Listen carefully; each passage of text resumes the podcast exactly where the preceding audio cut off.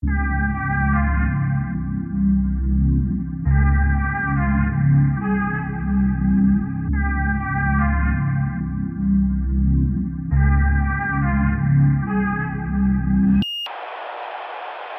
Did you listen to uh, the that episode on Sam Harris, The End of Global Order? Nej men jag prenumererar ju inte. på den. Varför?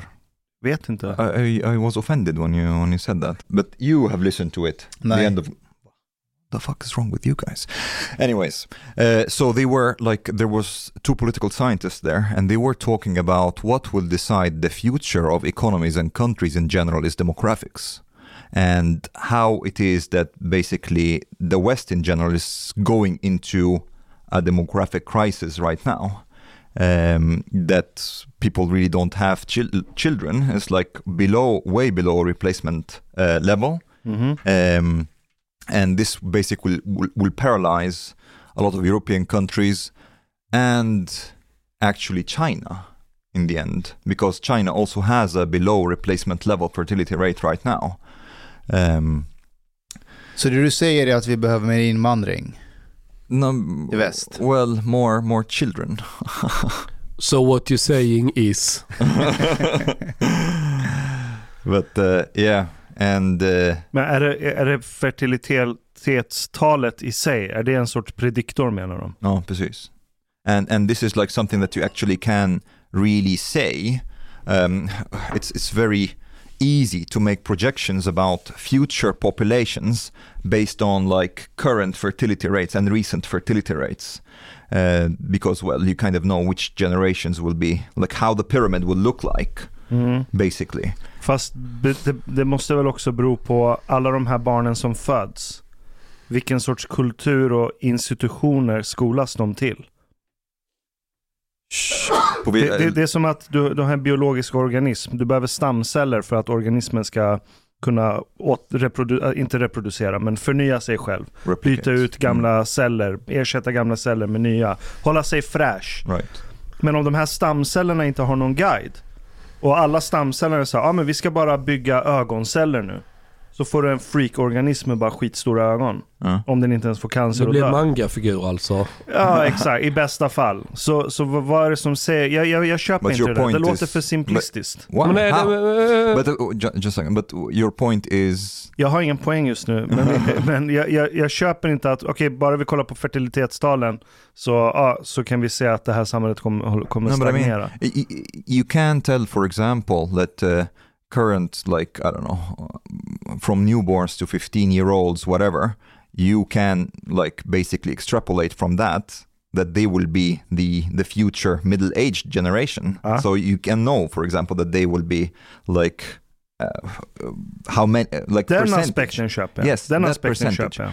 And basically, if you have like um, the top of the pyramid is much wider than the base, so the dependency ratio will basically paralyze the economy Okej. because you will have like a lot of like old people who don't really consume as much, Mm. uh, and basically the more you go down, the less the thinner the pyramid becomes.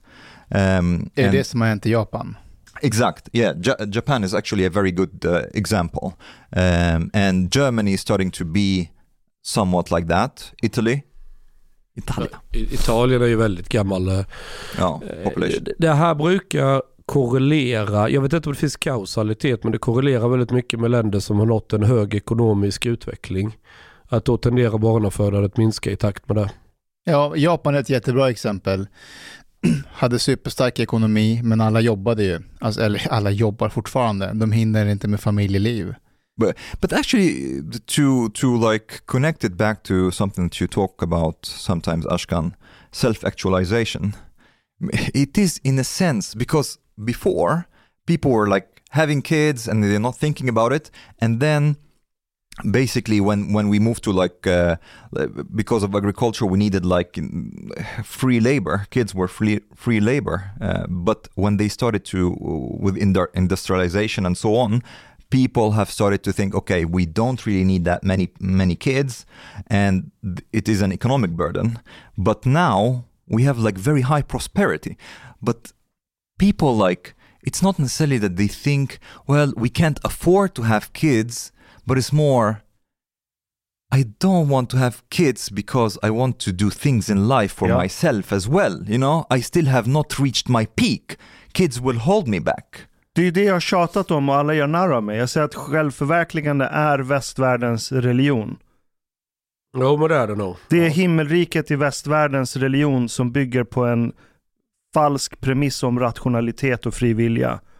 Där det ultimata målet är att du ska bli självförverkligad. Men det är ingen som blir självförverkligad. Nu låter du nästan lite religiös. För så, sånt där säger ju kyrkan, den katolska kyrkan. Ja, men jag är religiös. Vi måste ha religion, men den här religionen är bullshit. Och, och, och det är det, kolla innan internet, när folk gick, eller så här, innan självförverkligande, Eh, människor gick till kyrkan och så fick de en sorts lovord om att om du följer budorden och är en from, eh, duktig religiös person så kommer du en dag komma till himmelriket. Och så gick man runt och signalerade till sin omgivning, liksom hur fina barn man har, att de inte knullar runt, att man är duktig, följer Guds ord och så blir man accepterad av sin omgivning för att man är nära Gud. Man signalerar hela tiden sin närhet till Gud. Men poängen med alla de här myterna och religionerna, det är att ingen får ju faktiskt komma till slutmålet, för då, då, då, dör hela myten. Ingen kan ju på riktigt ha åkt till himlen och sen kommit kommit, tillbaka. kommit tillbaka och bara fan jag var där, det var inte så jävla bra. Då skulle hela samhället kollapsa. Så, så slutdestinationen får, måste ha 5,0 på Google Reviews. Om den får 4,8 kommer ingen vilja ha den längre. Och det är samma med självförverkligande. Folk gick till jobbet och så kom de hem och så istället för att öppna bibeln så öppnade man de här kvällstidningarna och slog på tvn och så såg man Brad Pitt och Beyoncé och såg hur de klädde sig och hur bra de har det och vilka perfekta människor de har blivit. Och så springer vi runt och imiterar dem, vi klär oss som dem, beter oss som dem. Men med internet, när folk kan posta så här bilder, alla har en telefon i sin ficka, så ser vi bilderna på Ben Affleck när han ligger där med sin stora mage. Man ser hur de liksom drar kokainlinor. De mår inte bra. Inga av de här människorna vi har idealiserat, många av dem mår inte bra. Så den myten slås sönder. Men en motreaktion på det blir att vi istället blir ännu mer fundamentalistiska och söker oss efter det. Varför, varför, tror ni yoga och mindfulness och alla de här grejerna har gjort en stor comeback i väst? Kan inte då... Fast i ett narcissistiskt format. Folk håller inte på med mindfulness i väst. De håller på med så här narcissism, mindfulness. Men det- Alltså mindfulness då, det var ju att du arbetade och var i ditt arbete.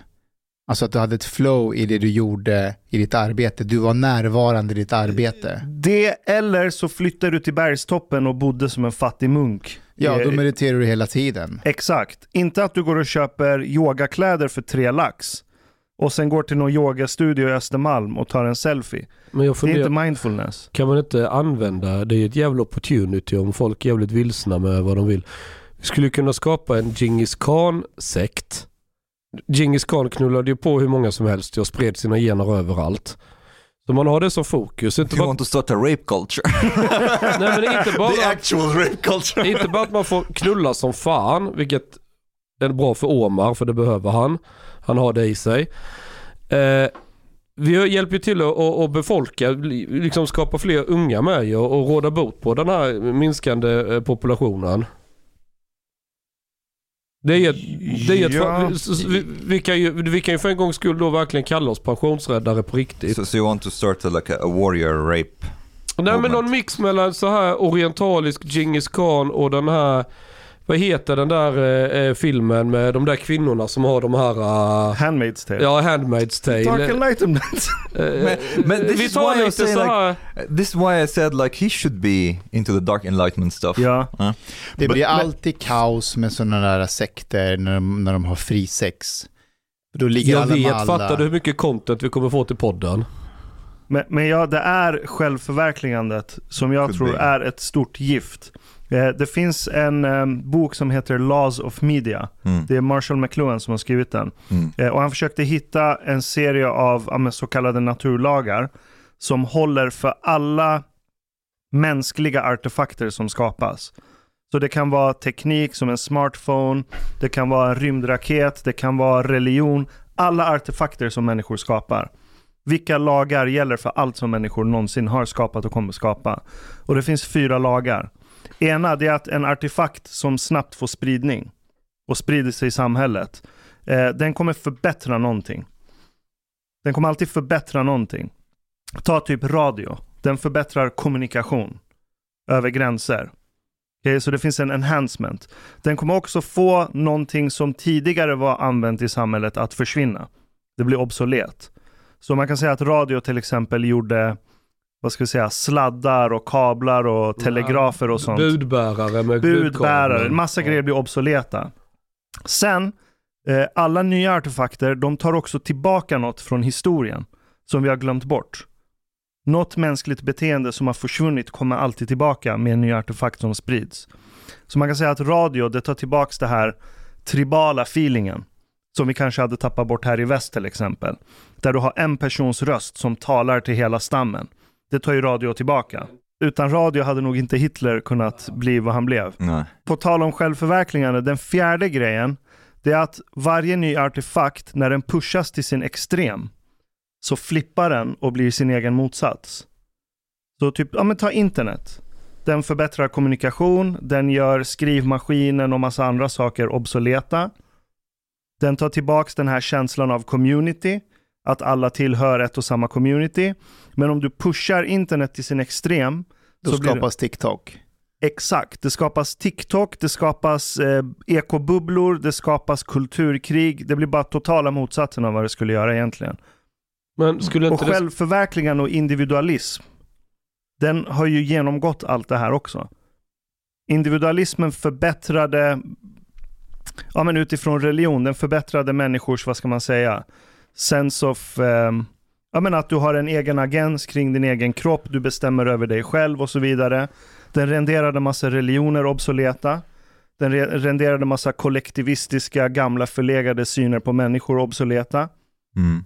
Och ja, Men om man skulle reformera den här nya religionen, självförverkligande, kan man inte sätta ord på det och säga att det är inte dåligt att självförverkliga sig själv, men du kommer aldrig att bli självförverkligad. Det är en resa hela tiden. Du är Men det, är, aldrig det, är ju ta, färdig. det är ju taoismen ju. ja. Taoismen är ju att det är ju inte målet som är målet med resan, det är vägen dit. ja. Det finns ju en bok, Tao enligt Pu, Nalle Puh. Man förklarar. But Bu- Buddhism, ja men det finns example, det. could also be somewhat like that. Um, um, självförverkligande marinerade människor, de kommer aldrig kunna köpa det. Vad de kommer göra istället är att de kommer åka till Ullared och så köper de en så här filt där det står det är resan som är målet. Och så, hänger, de, och så hänger de upp det i köket. och Okej, så okej, känner de sig okej, lite vi gör så bättre. här, vi gör så här. Och så visar de för sin omgivning hur duktigare de har blivit på att inte självförverkliga sig själva. Det är det här jag menar. Vi, vi, vi, Vilket är ett vi, vi säger det, att, att det är resan, inte målet, så att alla vet om det. Men så fort någon pratar om det, köper de här filterna på Ullered, de skjuter man. Ingen får prata om det. Uh, but but Är det den nya politiska korrektheten?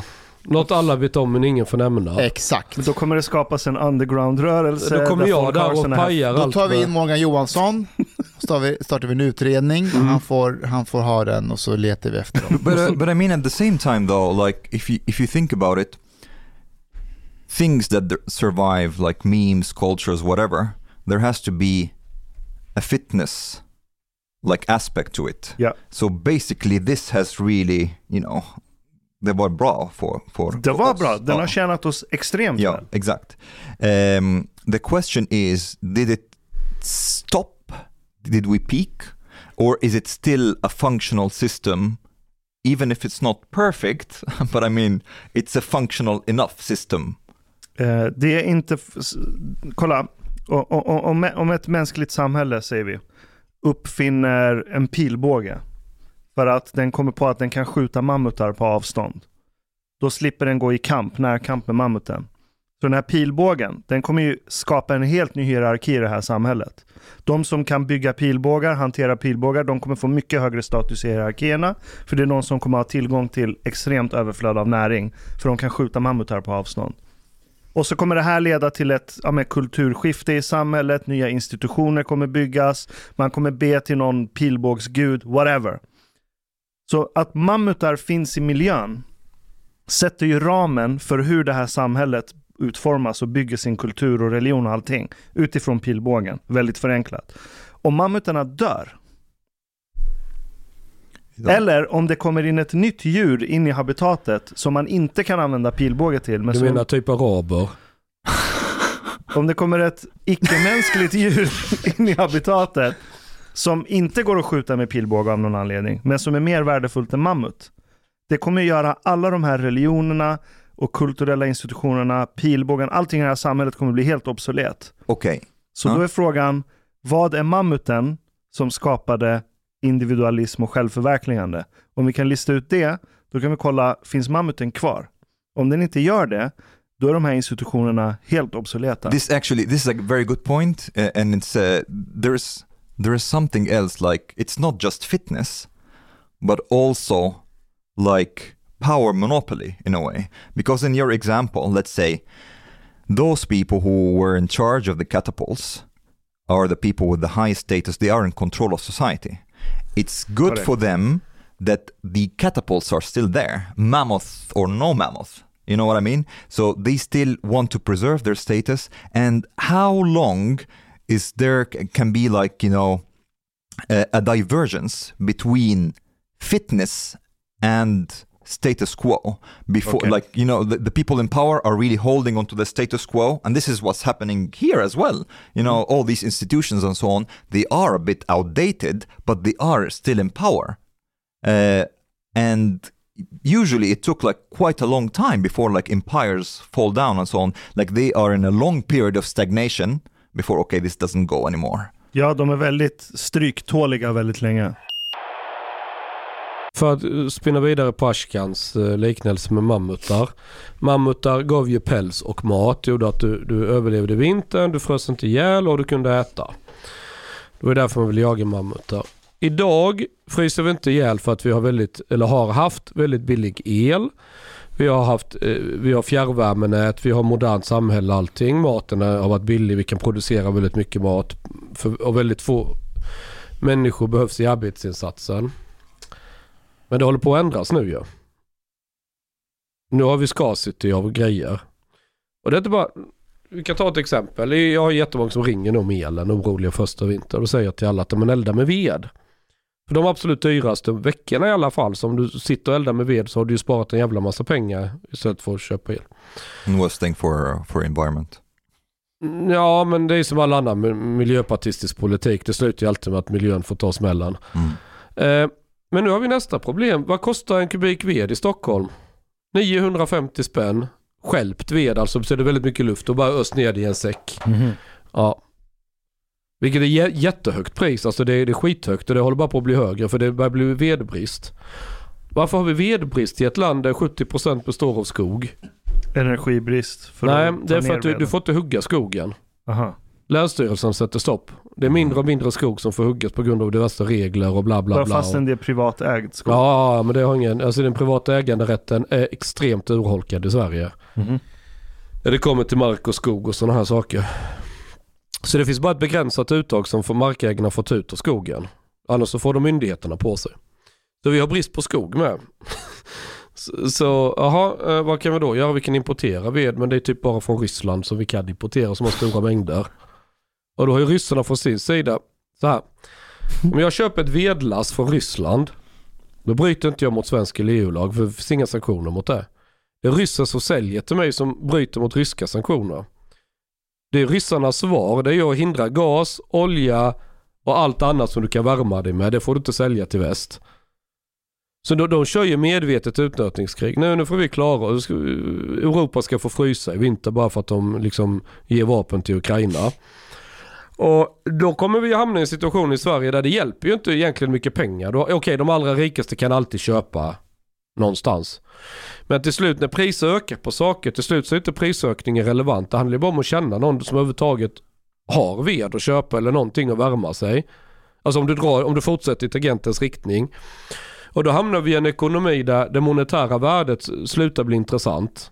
Ja. Det är bara en ekonomi fråga om vad har du att erbjuda? Och börjar saker fallera på det här sättet. De då som kommer ha makt är ju bönder och folk som har mark och, och grejer som kan vara självförsörjande. Alla vill ju vara kompis med dem då. Resten kommer ju mer eller mindre svälta.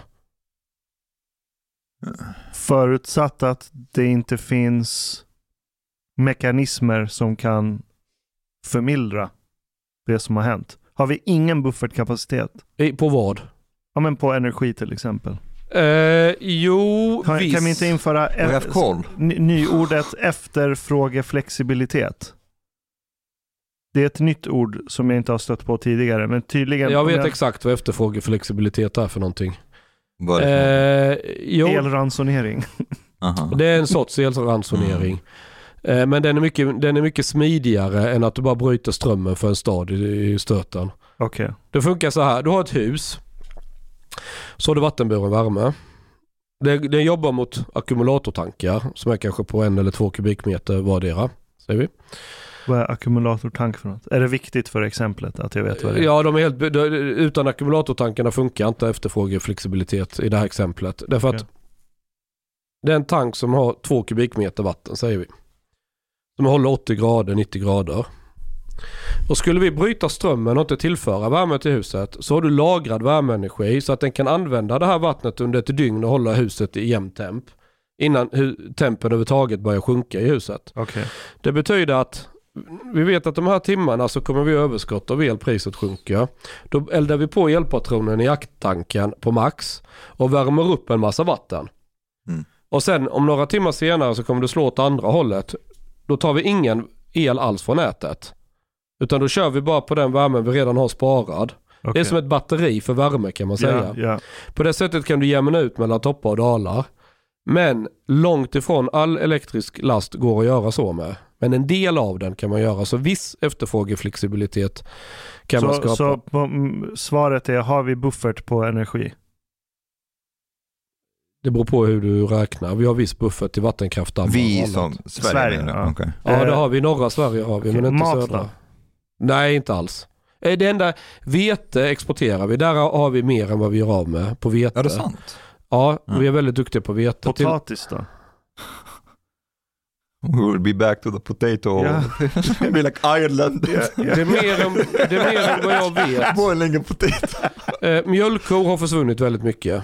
Mhm. Grisar och sånt. Köttproduktion i generellt eh, har försvunnit väldigt mycket i Sverige skulle jag säga.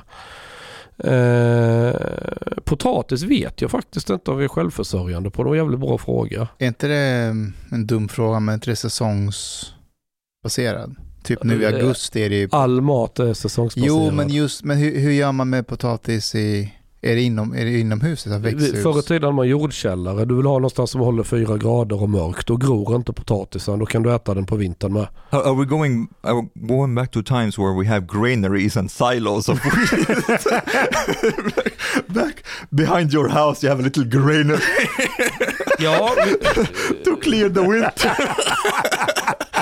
Ni, ni, ni kanske skratt, ni and kanske people are skrattar. trying to get into it and you have to defend it. Alltså ni kanske skrattar men vi är på väg dit just nu. Nu låter du som Malcolm. Mm, Nej, men alltså den nya trenden nu är att och detta vet jag redan. Det är jättemånga som har börjat köpa på sig med ved inför vintern. Och det är första steg. Du ska klara värmen i vinter men du litar inte på elnätet längre.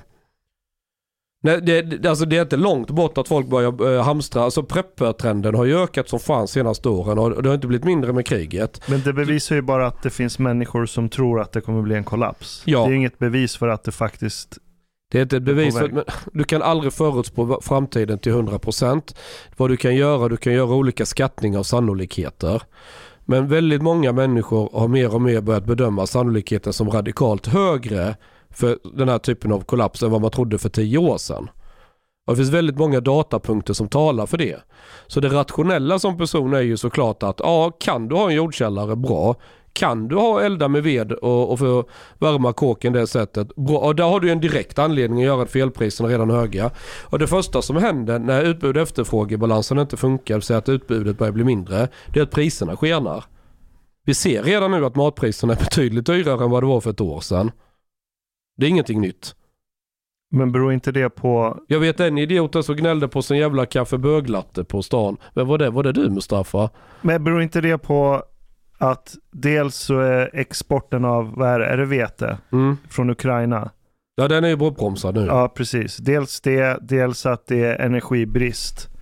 Är det inte det som leder till skenande matpriser? Jo, därför att, ja, oj. Ehm, ja, energibrist har stor betydelse också. För att konstgödsel görs ju idag Ja. på, på naturgas.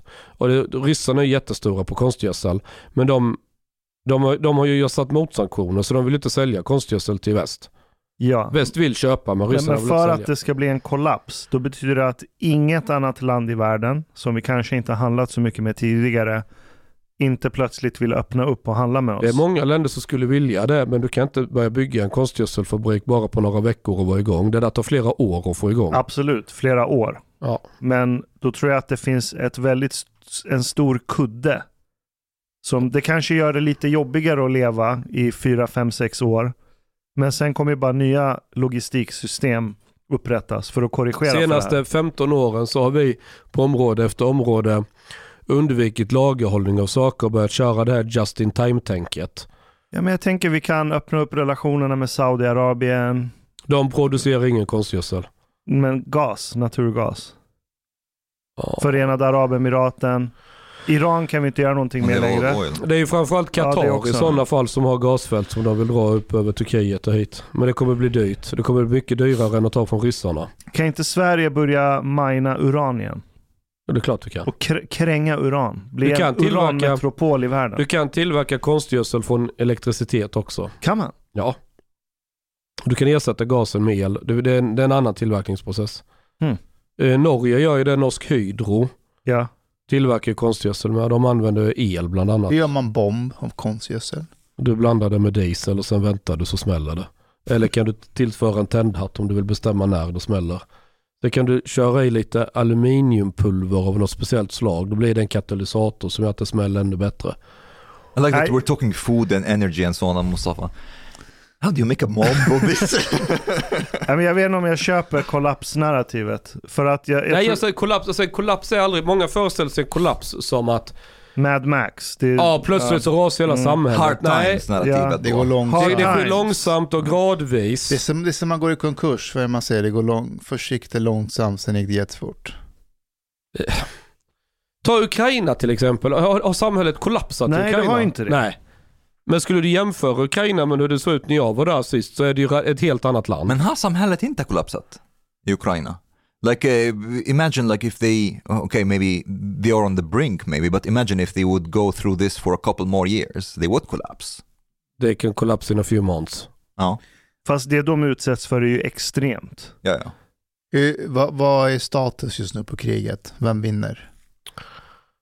Alltså, stora hela så är det ganska jämvikt. Det är en jämn match. Alltså det, ja, men alltså det är inte så att den endera sidan ta några jättestora eh, framsteg. Ukraina har väl tagit en del småbyar eh, nordväst om Cherson.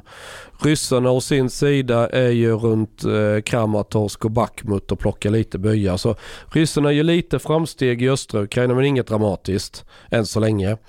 Och Ukraina har väl gjort lite typ av motoffensiv runt Cherson i södra. Alltså det, om, du, om du är i Krim och, och går nordväst.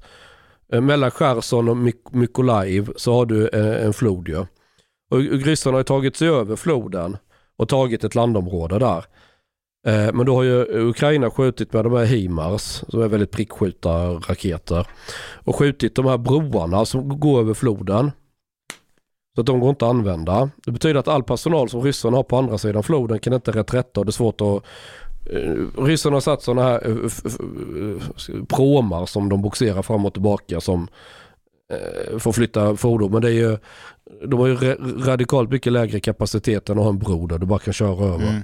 Vet man hur många som dör varje månad på bägge Nej, sidor? det är uppskattade siffror. Det finns väl ingen, det finns ju ingen källa som är så här. Ja, men den kan man really lita på reports. 100%. Uh, but uh, I wonder though. So I was in Florence, and I OD'd on on art and culture over there, and it, I get the feeling that, at least I wonder if if the West has reached its peak already culturally, and has reached it actually it seems for quite some time.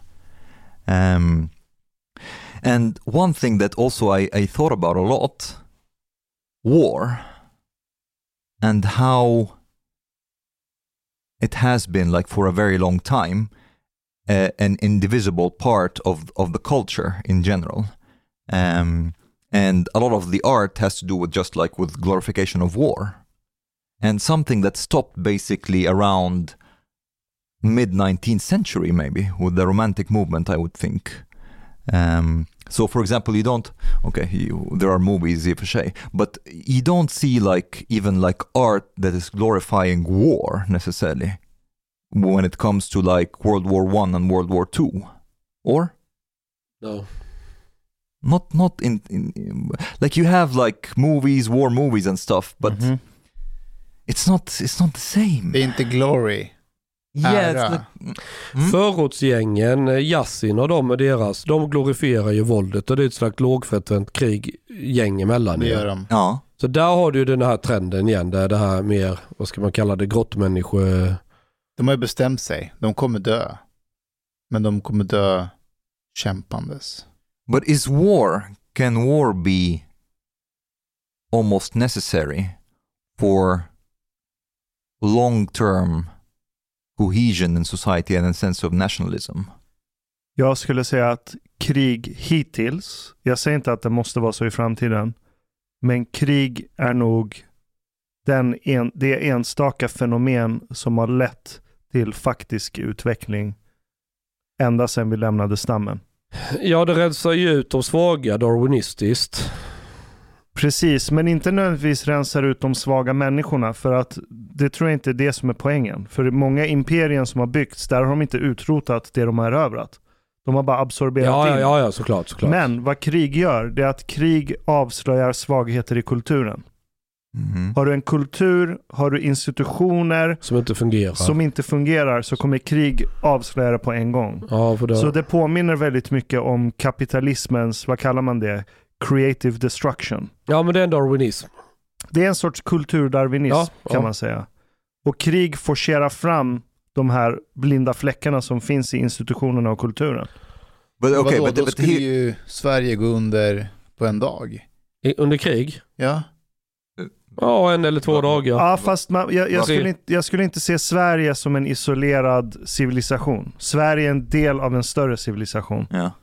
Så ja, Sverige, det är bara en artificiell gränsdragning numera. Vi sitter ihop med Tyskland så vi är ännu mer rökta. But uh, but I mean, okay, but here, EU, NATO, någonstans där skulle jag göra avgränsningen. but here, help me out here. Is it is it possible that war and glorification of war? I'm not saying that's good or bad or anything, but and I'm not talking about economics. I'm more talking about culture in general.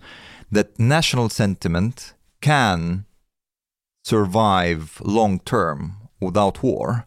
Because it seems that war, eh, as long as you have a good narrative behind it, the culturalization one can say, because like Middle East and Africa, they are ravaged by war, but they don't have a narrative really that's built around it that's like galvanizing a- nation around a, common enemy, for example, and we are like the, the glorious state and so on.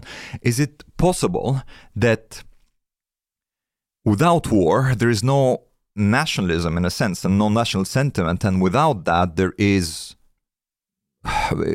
low degree of cohesion and civilizations fall eventually. Ja, det, det är nog sant för länder som Sverige. Man Fast- brukar säga att Sverige har ju inte, är fredsskadat. Alltså ta ett land, Baltländer eller Polen för all del. De har ju inte alls samma problem i samhället som vi har i Sverige. Där föds det ju barn ju.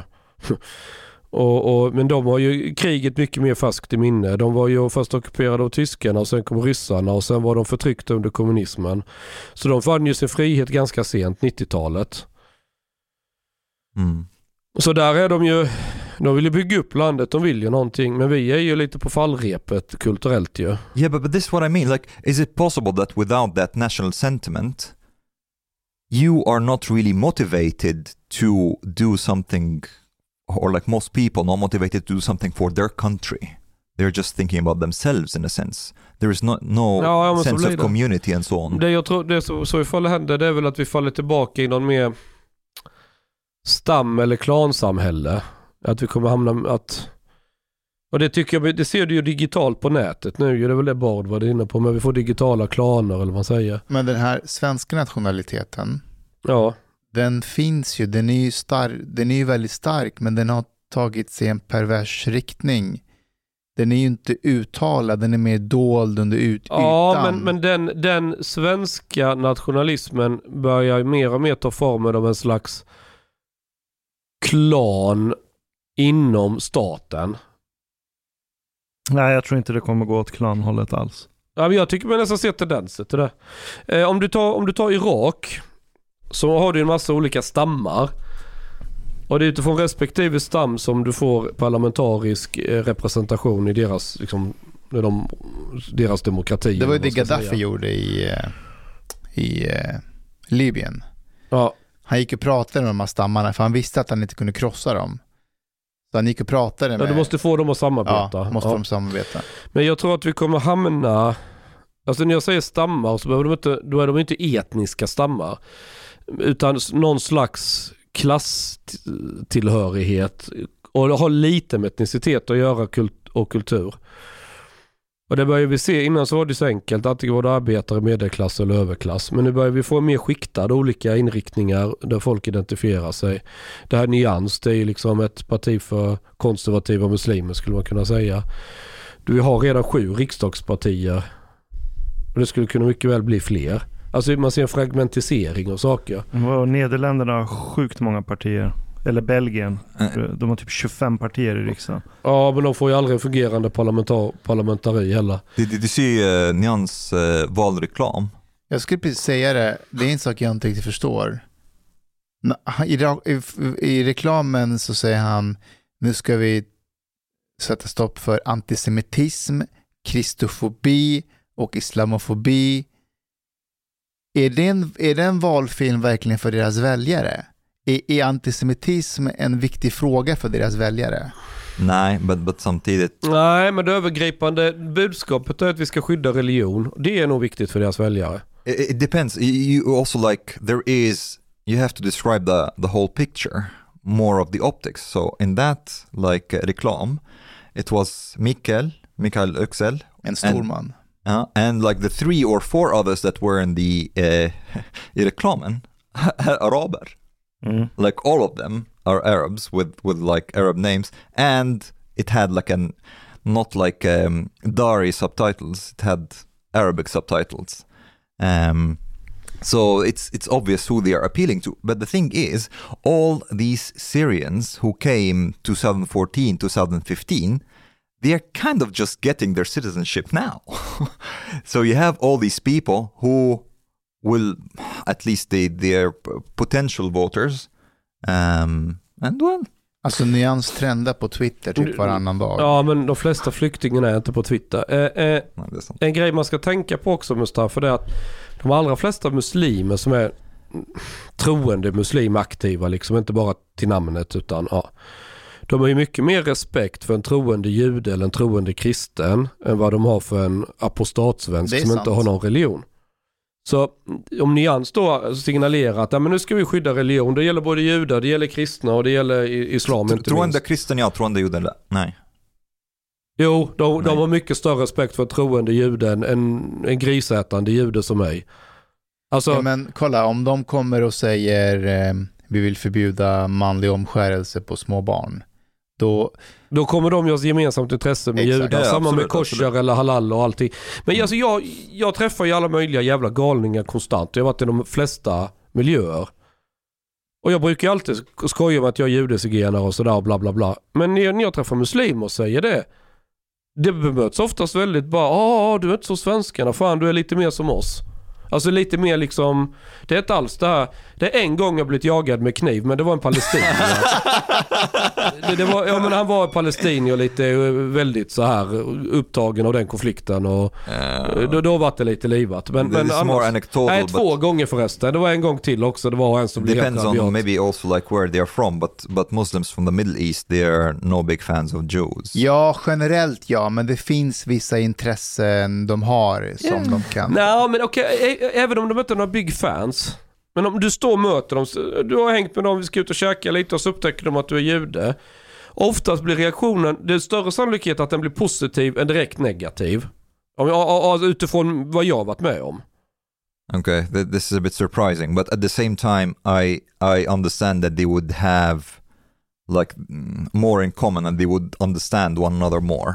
Ja, de tycker att svenskar är utomjordingar. Men det, det kan ju också vara så att i mitt fall så är det så att då har jag ju hängt med dem. Så att jag är ju inte bara en främmande person. Ja, Ja, det, Och sen du kommer det fram det att... spelar roll. Vad sa du? Som Det de, spelar roll. Ja, jag menar det, det gör ju en viss skillnad. Ja. Och sen jag säger att jag är jude, okej då.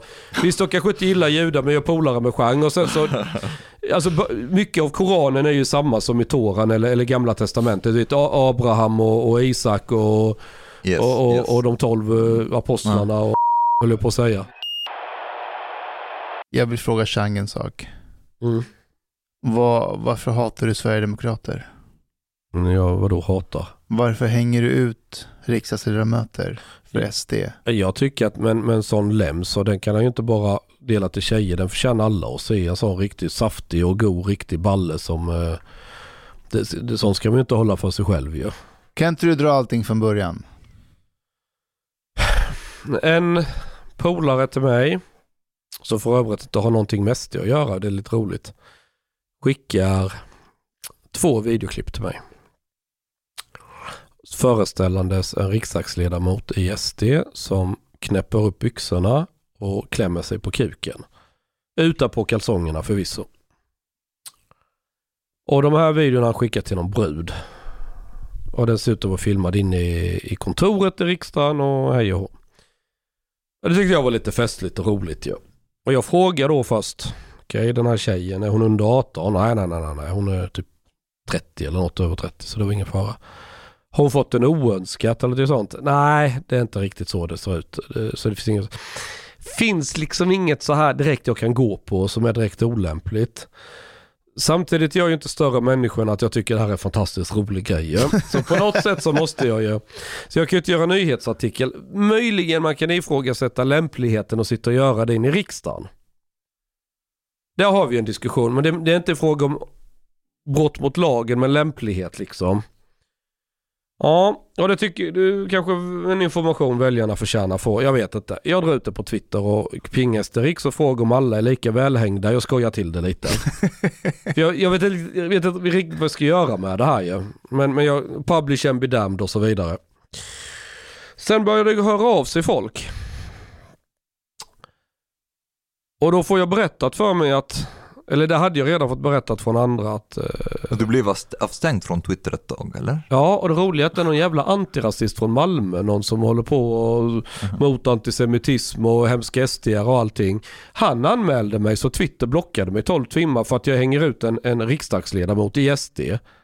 Vilket Men- är skitkonstigt. Alltså jag, Nej men vet du, de har en regel om att om du delar innehåll som är, ja men typ en videofilm ja. som är avsett att skickas privat till en enda mottagare och du Right. offentliggör den. Det är, typ, ja, men det är samma regel de använder för hämndporr. Men det här går ju emot eh, fri publicistik. Du måste kunna granska riksdagsledamot. Jo, men och- deras algoritm, Ja, ja. handläggaren tror jag inte kom så Jo, långt. jo, men det var en som twittrade sen och var jätteglad över att jag blev avstängd och tvingades såg det som en seger. Och det var någon Jaha. sån här antirasistgänget-ish. Mm. Är du helt galen? Så, Okej, så du, du vill skydda en SD-ledamot från att bli granskad? Liksom, det är ju det Ja, ja, jag implicit. fattar. Ja. alltså det blir så dumt på något plan. Ja, fortsätt. I alla fall. Så jag får reda på lite folk, bland- annat inifrån partiet, att jo men så där har han hållit på ett tag den här ledamoten. Det här var liksom ingen stor chock bland folk. Eh, Bland vissa kanske, men det var ett antal som det inte var någon chock hos. Kände till det. Och sen fick jag då andra uppgifter. De sa att det fanns tjejer som har fått detta oönskat. Och då blir det ju en helt annat nyhetsvärdering. Då kan jag faktiskt göra en artikel av det. Då körde jag ut det och sen fångade Aftonbladet, Expressen och andra det. Omni, SVT. Men deras, vink, deras vinkel var bara Ja, de har spelat in sexvideo i riksdagen. i riksdagen. Ja, det var ju det något sånt. de... Nej, jag såg... Nej, jag såg någonstans att någon har skrivit... Jag skrev att det finns en tjej som i alla fall har fått det oönskat. Men Ja. det blir svårt för media att gå på det om inte de själva har pratat med en källa eller kan vara säkra på uppgiften. Annars får de ju lita på mitt omdöme. Eh, och det är man lite, man, man vill som tidning oftast ha en egen ingång på det. Eh, Det, det bekymret är att så länge inte tjejen polisanmäler det så blir det väldigt, väldigt svårt att göra grejen. Mm. Okej, men hur går det till när du skriver den här texten och hänvisar till uppgifter? Hur menar du? Jag skriver, jag skriver texten. Jo, men, men, jag du, sitter vid datorn och trycker på tangentbordet. jo, men när du skriver så här, eh, en person med god insyn i Mm. det här säger, hur, hur värderar du det liksom? Jag tittar ju först på om man är svensk eller invandrare. För där, där kan man ju liksom... Ja, så, nej men alltså det... Hur vet du att vad den här personen har sagt är sant? Det är en bedömning du får göra. Okej. Wait, you didn't see the picture, dick pics yourself? Jo, You did. jo. Jo, men alltså att, att det är skickat till personer som inte har velat ha det. Well, it depends. Like if he got Ja, men alltså, conversation. det, om vi säger så här. När, när du har någon som hör av sig till dig. Du ställer ju alltid kontrollfrågor. Okej? Har du hört detta själv? Har du sett detta själv? Eller har du i din tur fått av någon annan bara på hörsägen? Är det hörsägen då kan du i princip inte använda det. Men det kan vara ledtråd om vad du ska gräva vidare och titta. Men kommer det en person som verkar hel och ren, liksom är det till och med någon du känner till sen innan som har track record och alltid vara ordentlig och inte myta och ha sig. Och berättar väldigt detaljerade uppgifter. Jo men det här kommer jag ihåg, det här har jag sett, det här har den här personen berättat för mig. Så frågar jag, minns du exakt vad personen sa? Ja, typ så här var det. Och det är alltid någon detalj man minns mer än någon annan. Men ju mer detaljerade folk kan vara. Okej, i vilket sammanhang berättade personen? Ja men vi var faktiskt på den där krogen där och då. Och då kommer samtalet upp och bla bla bla och så berättar de det här för mig och, och, och visade i telefonen och så här bla bla bla. Ja men då är det väldigt, då är det väldigt substantiellt. Hur har reaktionen varit från SD över att du hänger ut en riksdagsledamot så? Alltså det är blandat. Det finns ju, alltså folk i partiet är ju ganska rutinerade liksom. De, de, Vad har de sagt? Har du pratat med någon där? Ja, I, i din text? I, i, nej. Jag har ju bett pressavdelningen genom kommentarer men de har väl haft en massa andra medier att prioritera så att de har väl inte, det är inte så att det är idiotjag då för varje, de kommer ju säga samma till mig som till alla andra vilket är typ har du hört av dig till riksdagsledamoten? Ja, han har inte velat svara. Mm. Ja, det var innan jag publicerade så såg jag till att meddela, jag skrev bland annat på eh, Messenger för den är väldigt bra för när han har sett meddelandet så syns ju det ju. Att han har läst det. Och när jag såg att han hade läst det då väntade jag en halvtimme, timme innan jag drog ut. För då har han ändå fått en rimlig tid i alla fall. Ja, hinner han inte svara då, då kan jag i alla fall skriva, ja kan jag höra av mig om ett par timmar eller någonting. Ja men då väntar jag, så han får en chans att bemöta. Jag vet att han har sett meddelanden, han har en timme på sig att bara ge något livstecken tillbaka. Men att han inte svarar, är inte det inte ett bevis, men en signal på att han faktiskt är skyldig till att ha skickat det oönskat till någon? Kan vara, men man ska vara försiktig att tolka på det sättet. Därför att det kan finnas en rad skäl till att han inte vill svara. Så de flesta människor i den positionen, det blir krishantering, vad ska jag göra? Och så frågar han kommunikationsavdelningen, de har ju en avdelning för sånt där som ska hjälpa i sådana situationer. Är det Björn Söder som sköter det där? Det är det inte. Eh, och då, då är ju alltid rådet att säga så lite som möjligt. Ja, det, det är ju samma som om du blir åtalad för någonting. Allt du säger till polisen kan ju användas mot dig i en rättegång. Mm. Du har ju rätt att hålla käften.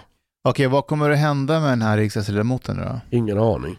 Kan det Vad tror påverka SD i valet? Nej. Alltså SDs kärnväljare det är ju inte så pryda människor direkt. Det är ju inte där du hittar det. De är inte liberaler. Ja, fast skicka oönskade dickpics. Ja men. Du behöver inte vara liberal för att ogilla. Socialkonservativa. Jo det kan man ju tycka men det är väl alltså mycket av SD-väljarna det är ju dansband, fylla, raggarbil, hej och. Hälften av dem har väl visat kuken offentligt vid något tillfälle. Alltså det Sen kan man också, sen, är man trogen SD-följare så tänker man också, ja men det här var en person som har betett sig så. Och då kommer de ju kicka ut honom förmodligen. Det- Ja, alltså det, det beror ju på lite. Trädde det fram någon tjej och berättade hur jobbigt det var och han skickade och höll på och hur hon har mått jättedåligt och sömnlösa nätter för hon såg denna 32 centimeters eh, dase. Eh, Vad är, vad är det som gör, då, då, är, då är det nog mer värre. Nu står det och väger lite skulle jag säga. vad är det som gör att man inte går ut med namn på riksdagsledamoten? Det, det finns ingen polisanmälan. Men vad då polisanmälan? Därför att det rationella, har du skickat oönskat till någon? Det rationella är ju, alltså nu gör ju inte alla tjejer det. Men var det verkligen oönskat, man mådde dåligt över det, då är det ju rationellt att göra en polisanmälan för då är det ju en brottslig handling. Och, och, och det var ju en åklagare som skrev också en uppmaning alla som är med om det är oönskat. Det är, alltså, det är lagligt att skicka en kukbild eller vad du vill till någon som vill, som, som vill, vill ha den så att säga. Jag tycker det är kul att svara med. You, you do it for us in the chat group. Det är oönskat. Ja men du, en arab kan inte bli sexuellt kränkt Omar. Är det sant? Ja. Okej. Eh, Men, men min poäng är att sker det verkligen oönskat och, och, och så här, ja men det rationella är att polisanmäla och har någon polisanmält det då finns det väldigt mycket allvar bakom anklagelsen för då är det någon som träder fram och säger sig varit utsatt och gått till myndigheterna. Då blir det ett annat läge eh, att publicera. Då, då är det nog lättare. Mm. Men det får, så här, det, när det inte finns en polisanmälan Storyn blir inte superstark men den är fortfarande tillräckligt stark för att åtminstone skriva någonting. Men inte namn. Nej jag tycker inte det. Jag gjorde den bedömningen. För Jag- jag- har du väl namnpublicerat kan du inte ändra tillbaka. Nej. Men har jag inte namnpublicerat kan jag alltid ändra mig och sen publicera namnen. Förstår du vad jag menar? Mm. Men eh, eh, kan det bli någon slags förtal om man går ut med namnet? Alltså för min del så är det ju tryckfrihetsförordningen jag går under som ansvarig utgivare så blir det Mm. tryckfrihetsbrott i sådana fall. Hängde ni med? Det var någon eh, kändis som åkte dit för kokain. Persbrandt. Nej, på Gröna Lund. Mhm. Eh, det skedde under sommaren. Det var, eh, det var en span som hade sett honom that. och han hade, han hade kokain i... SVT-medarbetare. Nej, han hade kokain i, i snu, snusdosan. Ja men det läste jag. Ja. Och så hade han eh, överlämnat det. Det var ju han, Mhm. Är det offentligt? Vem var det? eh, vet du, Ja, känner Ja. jag till. Ja. eh, ja, ja, men han, han har ju åkt dit. Och eh, man kollade i förhören och allting, men man har inte gått ut med hans namn. Nej det är för att han inte är politiker. Bara för att du är kändis betyder inte att du har allmänhetens förtroende. Alltså pressetiska reglerna om att göra att ju mer du har kan anses ha allmänhetens förtroende ju mer får du tåla att bli granskad. och Okej, uthängd. okej. Vad, vad, vad behöver hända inne i riksdagen som inte är olagligt och inte polisanmäls, men som, som är intressant nog att gå ut med personens namn? Bra fråga. Det är nog svårt att svara. Alltså du får, du får bedöma allt från fall till fall och. Okej, säg, säg att det är en fest. Ja. Och så säger alla till en eh, riksdagsledamot in i riksdagen. Eh, fan vad roligt om du to- tog av dig byxorna och vis- bara gick runt med, med ja, Med kuken ute. ja. Och han bara nej, och bara, jo men om du gör det så bjuder vi alla på och alla är överens om det. Och så Mm. tar han ner byxorna, springer omkring naken i riksdagen. Och Då är inte det något för medierna. Va? In i riksdagen? Jo, men då är det någonting. I så fall får du hänga ut hela partiet för alla var ju med på det. Ja. Men det, det, det ja, men det, det är skvaller. Alltså det, det blir ingen stor skandal heller. Okej, säg att man gör det varannan vecka. ja men jag försöker dra det till sin spets. Ja, men frekvensen kommer inte påverka. Då kommer det snart bli ett normalt beteende hos ett visst parti och så är de sådana på det viset. tror, How ni, about if he does it all the time? tror, tror ni det är vanligt att två politiker har legat med varandra i riksdagen? Ja, ja, 100 procent. 100 procent. Vadå två? Det kan vara tre och fler också. Och som ni visste, en bråkdel av all jävla skit jag får höra om hur det knullas runt. Ja. Har, har en fått en könssjukdom så tror jag tiden för den att sprida sig är exponentiell till det gått igenom alla partier. 20 veckor. Nej, jag skulle ge det kortare tid. Jag skulle ge det kortare tid. Det här med västvärldens peak och culture. Och om vi har tappat det och det är borta. Jag har en impopulär åsikt Den, som jag inte kan tvätta av mig utan den bara blir starkare och starkare. Och vad jag än gör så blir jag mer och mer övertygad om den. do you want us Så- to perform an exorcism on you? Inte än, Okej. men ka- ni, ni kanske kan hjälpa mig att bli av med den. Okay. Eh, jag tänker på till exempel eh, ja, när jag var ung och upptäckte internet. Det här är 95. Internet var som en magisk plats där det fanns oskrivna regler om vad som gäller, hur det funkar. Eh, och allting bara funkade på ett fantastiskt magiskt sätt. Och jag vet inte vad det beror på. Var det för att det var decentraliserat? Var det för att det inte fanns några regler? Var det för att folk som kom dit var där av en- av en anledning? Jag vet inte. Men det var som en fristad från den här fysiska verkligheten.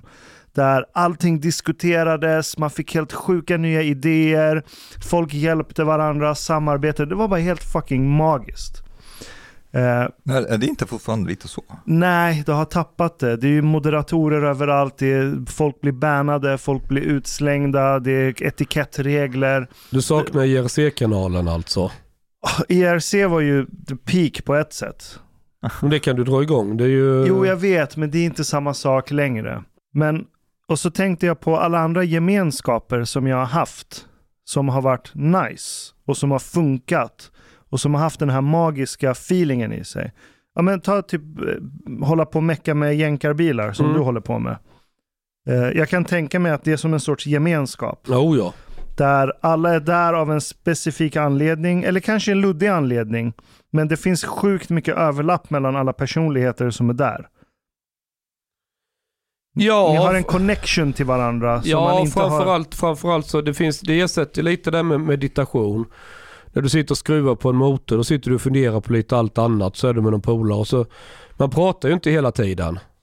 Utan man jobbar ihop med något och sen snackar man och skojar om någonting och hej och Och så får man några nya idéer, vad ska vi hitta på här då, bla bla bla.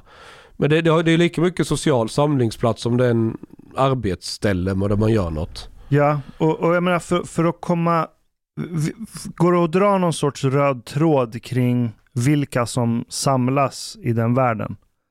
Inte raggarkulturen som helhet, för där kan ju vem som helst hoppa in i en bil och kröka och ha kul. Men jag menar just det här när ni meckar med bilarna och håller på, för det är ju kärnan i den rörelsen. De som kommer till det stadiet där man har Och det är en de egen... som har det som hobby, tycker det är kul att göra det. Ja, men kan vem som helst bara glida in dit? Ja, Finns du det får, inga... du får hyra en plats. Ja, men finns det barriärer och filter för att kunna bli en del av den Skulle en gemenskapen? miljöpartist vara där? De skulle inte söka sig dit från början. Men Skulle någon med apkoppor kunna komma hit? jag tror, jag tror är, det bara, är det bara apkoppor skulle det... Då, då, då skulle det nog vara en av de mer friska personerna i det garaget om det bara handlade om det. Men, men, Eh. men, Okej, men jag fattar. Det, det, det, ni kollar inte hudfärg, ni kollar inte så här vart den har bott innan, om den kommer... Bad- bad grund. Nå, alltså... Jaha. Ja, inte hudfärg Nej. kanske men... Nej, men, men, men bryr er inte om den kommer från Stockholm eller Ystad? nej, det skiter vi. Men har du ett rykte om dig att vara en slarvpelle, låna andras verktyg, inte städa efter dig, ställa Mm. till med jävelskap. Då ser vi ju till att den personen inte får en plats där. Okej. Det är en person har vi redan liksom sett till Ja. att hålla undan på grund av att det kommer bli problem med den personen. Så det finns en etikett. Ja, Och, och du måste också vara bilintresserad för ens vilja söka en. Nej hyra. måste, måste du inte. Men varför ska du hyra en bilplats i ett garage? om du inte- Exakt, så det kommer ju per automatik. Ja, ja det, det, det är liksom... Den det som hyr en plats i ert garage, den är förmodligen lite bilintresserad. Ja, ja. Du betalar ju inte för ballettkurs om du inte vill dansa balett. Exakt. Nej. Och du måste också ha fått tag på någon sorts skrotbil eller något som du vill mecka upp Ja, och någonting måste du ha meka med annars vad ska du göra där? Så, så låt oss kalla de här kriterierna för passiva filter.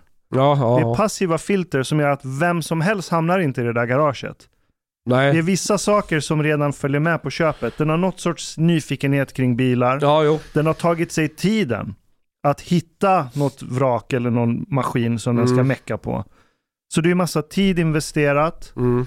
och massa andra passiva filter som gör att du till slut blir en person som hamnar i det garaget. Mm. Och det var samma sak med internet. Det var datornördar, Ja. det var tekniknördar, det var mycket kosmopolitiska karaktärer som sökte sig dit. Och folk var... som var libertarianer, väldigt frihetsliga. Exakt. Så där har du en rad olika passiva filter som gör att det var inte en blandning av vem som helst på internet. Och sen kom boomersarna. Sen kom alla andra och fuckade upp hela skiten. Och då tänker jag på ja men, västvärlden, kultur, har vi pikat, kollaps, alla de här sakerna. Och då tänker jag på demokrati. Det demokratiska systemet har ju också haft massa passiva filter. På pappret står det att vem som helst kan starta ett parti och vara en del i demokratin etc. Men det är bara en viss typ av människor som gör det. Det är en viss typ av människor. Du behöver ha spenderat många år i kansliförbund och sådana här grejer för att jobba upp. Eller gäller- media. Eller media. Så det krävs massa olika investeringar av tid, personliga kontakter, intressen etc. Mm. För att du till slut ska sitta där. Och inte nog med det, innan, för 20 år sedan behövde du ha kontakter till media också. För att ens ska bli Den, hörd. den barriären har ju försvunnit mer eller mindre. Och jag tror att problemet med demokrati idag, det är att alla kan vara med. Och på samma sätt som internet förstördes av att alla kunde vara med och du inte har något passivt filter kvar längre. Internet är ju som kranvatten. Du behöver inte ens koppla Nej, in jag, jag tror du far efter, jag tror det du far efter som jag tror det är att för mycket beslut idag är kollektiva. Mhm. Det finns väldigt många beslut som inte borde vara någonting vi röstar. eh, Abort, ja men det är väl upp till var och en. Ska, är det en, nu är inte det en fråga i och för sig men. Men förstår du hur jag tänker? Ju högre skattesats vi har, ju mer pengar hamnar hos staten, ju mer hamnar politiken om hur vi ska fördela dessa. Med lägre skatt och mindre uppgifter staten gör, ju mer bestämmer du. Alltså, ekonomi handlar om din, dina val som individ. Vad vill du spendera dina pengar på? För det är egentligen din arbetstid som du sen skänker till någon annan kan man säga. Eh, och när, när staten blir för stor och för stora beslut tas kollektivt, då försvinner ditt egen, egen makt och frihet. Ja, det är demokrati, men hur mycket frihet har du? Du kan ju ha en fullt demokratisk stat och ha väldigt lite frihet som person. Så det är två olika storheter som inte nödvändigtvis eh, eh, jobbar tillsammans. Och, så att jag tror det, det är friheten som är det du far efter mer än demokratin kan få effekten att den minskar på människors frihet. Har 55% av folket sagt att ja men vi ska, ha, vi ska göra så här istället och, och, och nu gäller denna regeln allt och alla. Så de andra 45% som inte ville ha det blir påtvingade det. Det är lite som internet med sociala medier. Nu kommer det en massa regleringar och vi har ett gäng här, 32% som inte vill se något naket i sina flöden. Ja men så det är ju för att alla nu finns på internet. Ja men det är det som händer. Det blir en mellanmjölksversion. But, but, Yes. but uh, Ja, okay. det inkräktar I på din don't- frihet. Yes. I, I Ja. get your point, but I don't really agree because you were just listening to Tim, Tim Dillon now, right? And they were talking about the marketplace of ideas. And basically, for how I see it, is that democracy eh, and the internet and so on, like the more ideas are pumped in, the better. And supposedly, uh, like Curtis Yavin, he was saying, like the, the, the truth wins, but I don't really um, agree with that. It's more what's more fit wins fitness wins and basically the one that is like the idea that's most useful wins uh, and in that sense i don't see democracy as as a um, barrier there but the problem is that democracy creates or has created some sort of an oligarchic caste that are still in charge like in a way. You know it's not like everyone who's like it's not like all of us are in charge. This is an illusion. There is Ja, like det. still a small percentage of of the people who are holding on to power. Uh, and this is what representative democracy is in a way had you had direct democracy this is another thing then yeah, all ideas would really compete Nej, nej, nej, nej, Då nej. hade vi nej. fått Ja, ännu mer digitala klaner. Vänta, förklara direkt eh, demokrati lite mer specifikt. Hur går det till Det är ett exempelvis? klansamhälle. So, so basically, like everyone can can vote on a like, for example, on a specific issue. Like Switzerland, they have this system that if you gather like um, a certain number of of um, like signatures, I can't remember how much, you can have a referendum on whatever, whatever you pick, and you have a referendum, uh, and everyone would like vote to decide where to go on this issue. Um, Tror du att folk i Sverige hade pallat med ett sånt system? Nej, det är bara de som brinner för en fråga Ja. som hade fått säga till om det. it depends. It depends. Men det är å andra sidan inte nödvändigtvis negativt. Jo, jo, jo. just, just a second, okay. just a second. Hear me out. Like, if you would uh, see, uh, if you take a question that is like causing shitloads of problem right now, migration. Imagine if there has been a referendum for quite some time ago. Should we take in more asylum seekers or less asylum seekers? This has been like nipped in the bud. Uh, but the oligarchic, um, like you know, uh, the oligarchy that are, are in, in charge in a way. They decide it for us. Um, so it's not all bad. När, när det gäller migration, okej. I den frågan kanske, om alla hade fått lägga sin röst som en direkt demokratisk process så kanske inte det hade gått samma väg som det har gått idag. Fair enough. Men eh, tänk också på att ju äldre människor blir, desto mer konservativa blir vi. Speciellt i ett land eller i en civilisation där du har överflöd av resurser, utbildning, allt möjligt. Där du får en sorts baseline-nivå av dekadens eh, som leder till att fertilitetstalen sjunker.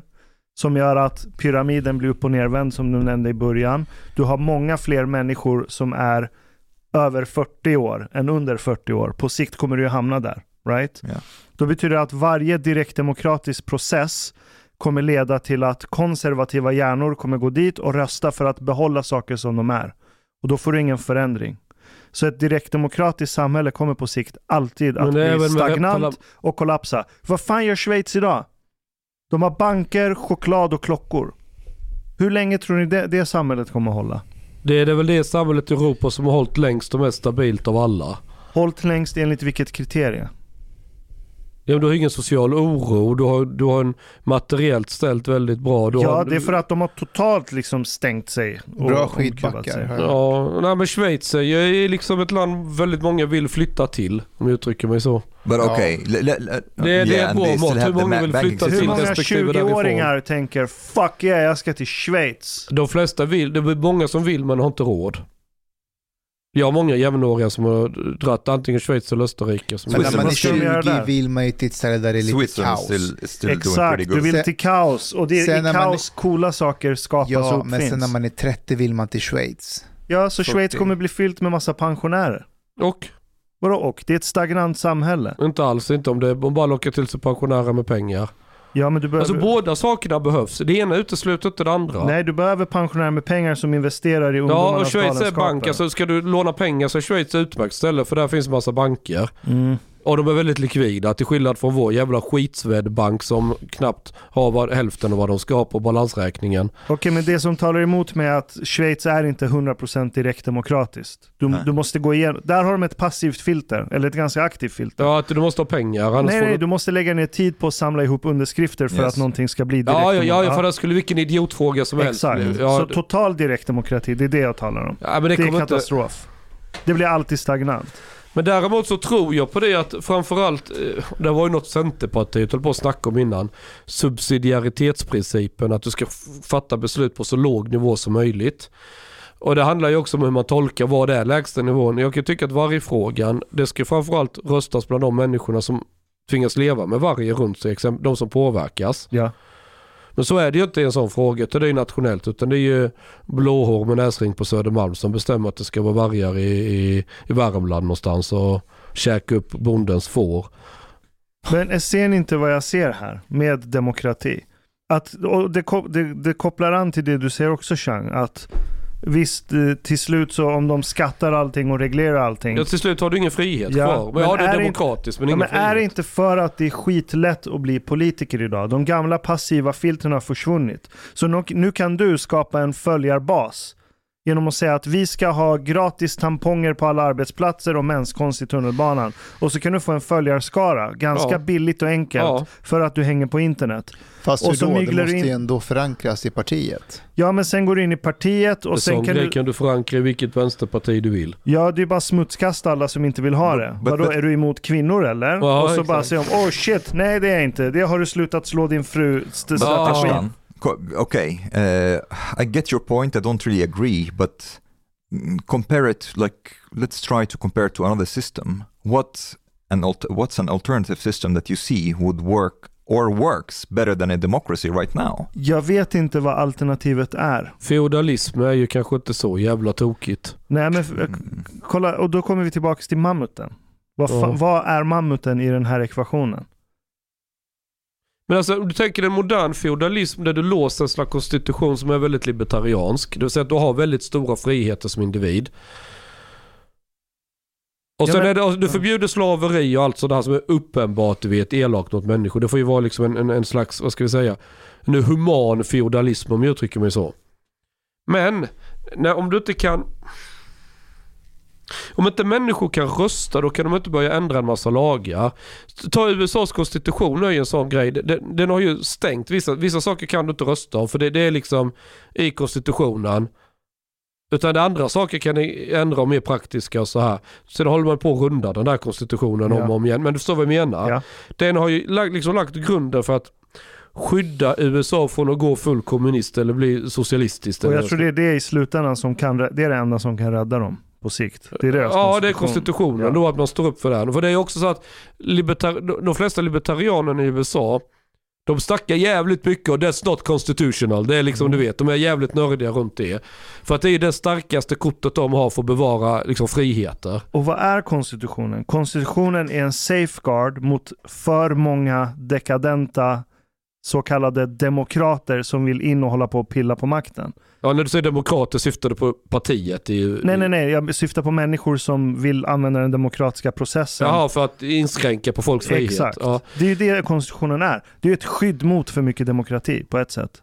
Eh, ja, för att demokrati kan lätt bli socialism och drar du iväg i den riktningen så har du lika mycket Det kan bli frihet. allt möjligt. Men vad är mammuten här? Du pratar om feudalism hit, libertarianism dit, vi borde göra så här.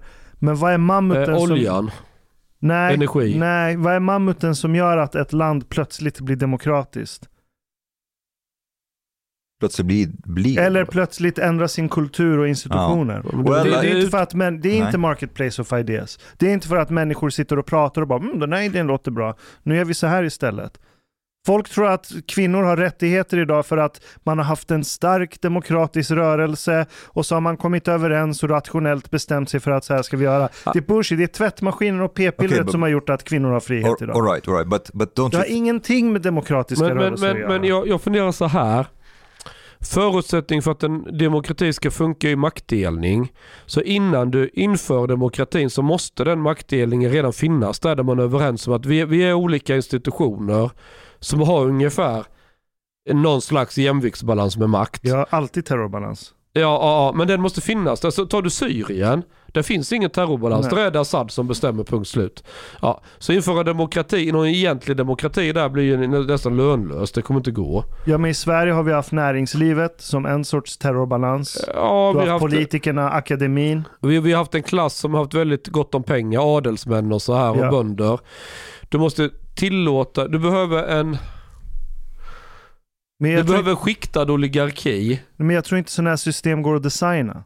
Det kommer inte Nej, det att vissa, vissa länder blir demokratiska och andra blir För inte. att det kommer en mammut som främjar demokrati. Yes. På samma sätt som en mammut främjar pilbåge. Okay, okay. It- Och vi styr inte över den mammuten. No, but but uh, here's the thing. Like there is two two parallel systems that are are uh, developing at the same time in a way, but at a very different uh, at very different paces.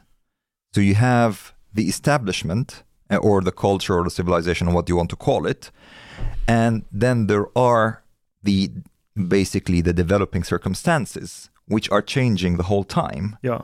and it's changing at a faster pace than the establishment. Um, if we look at history, for the most part, this seems to be an inevitable process that leads to the collapse of the establishment. Korrekt. because it does not like you know you have like a very slow moving culture or like if environmental circumstances change you will either adapt or collapse. And most of the time they have difficulty in adapting. Uh, and this could be the sad truth of it. Maybe collapse is inevitable in a way. Men man kan ju ha en kontrollerad Korrekt. man kan ha en kontrollerad kollaps och vända det till något positivt. För varje kris är också en möjlighet. Man skulle kunna dela upp, Kinesen Chang. flagga med dig afghanjävel. Man skulle kunna dela upp Sverige typ i fria ekonomiska zoner som har väldigt stort självbestämmande. Mm. Där man kan ändra och ha sin egen lag. Alltså viss lag är gemensamt över hela Sverige som en federal nivå ungefär som i USA.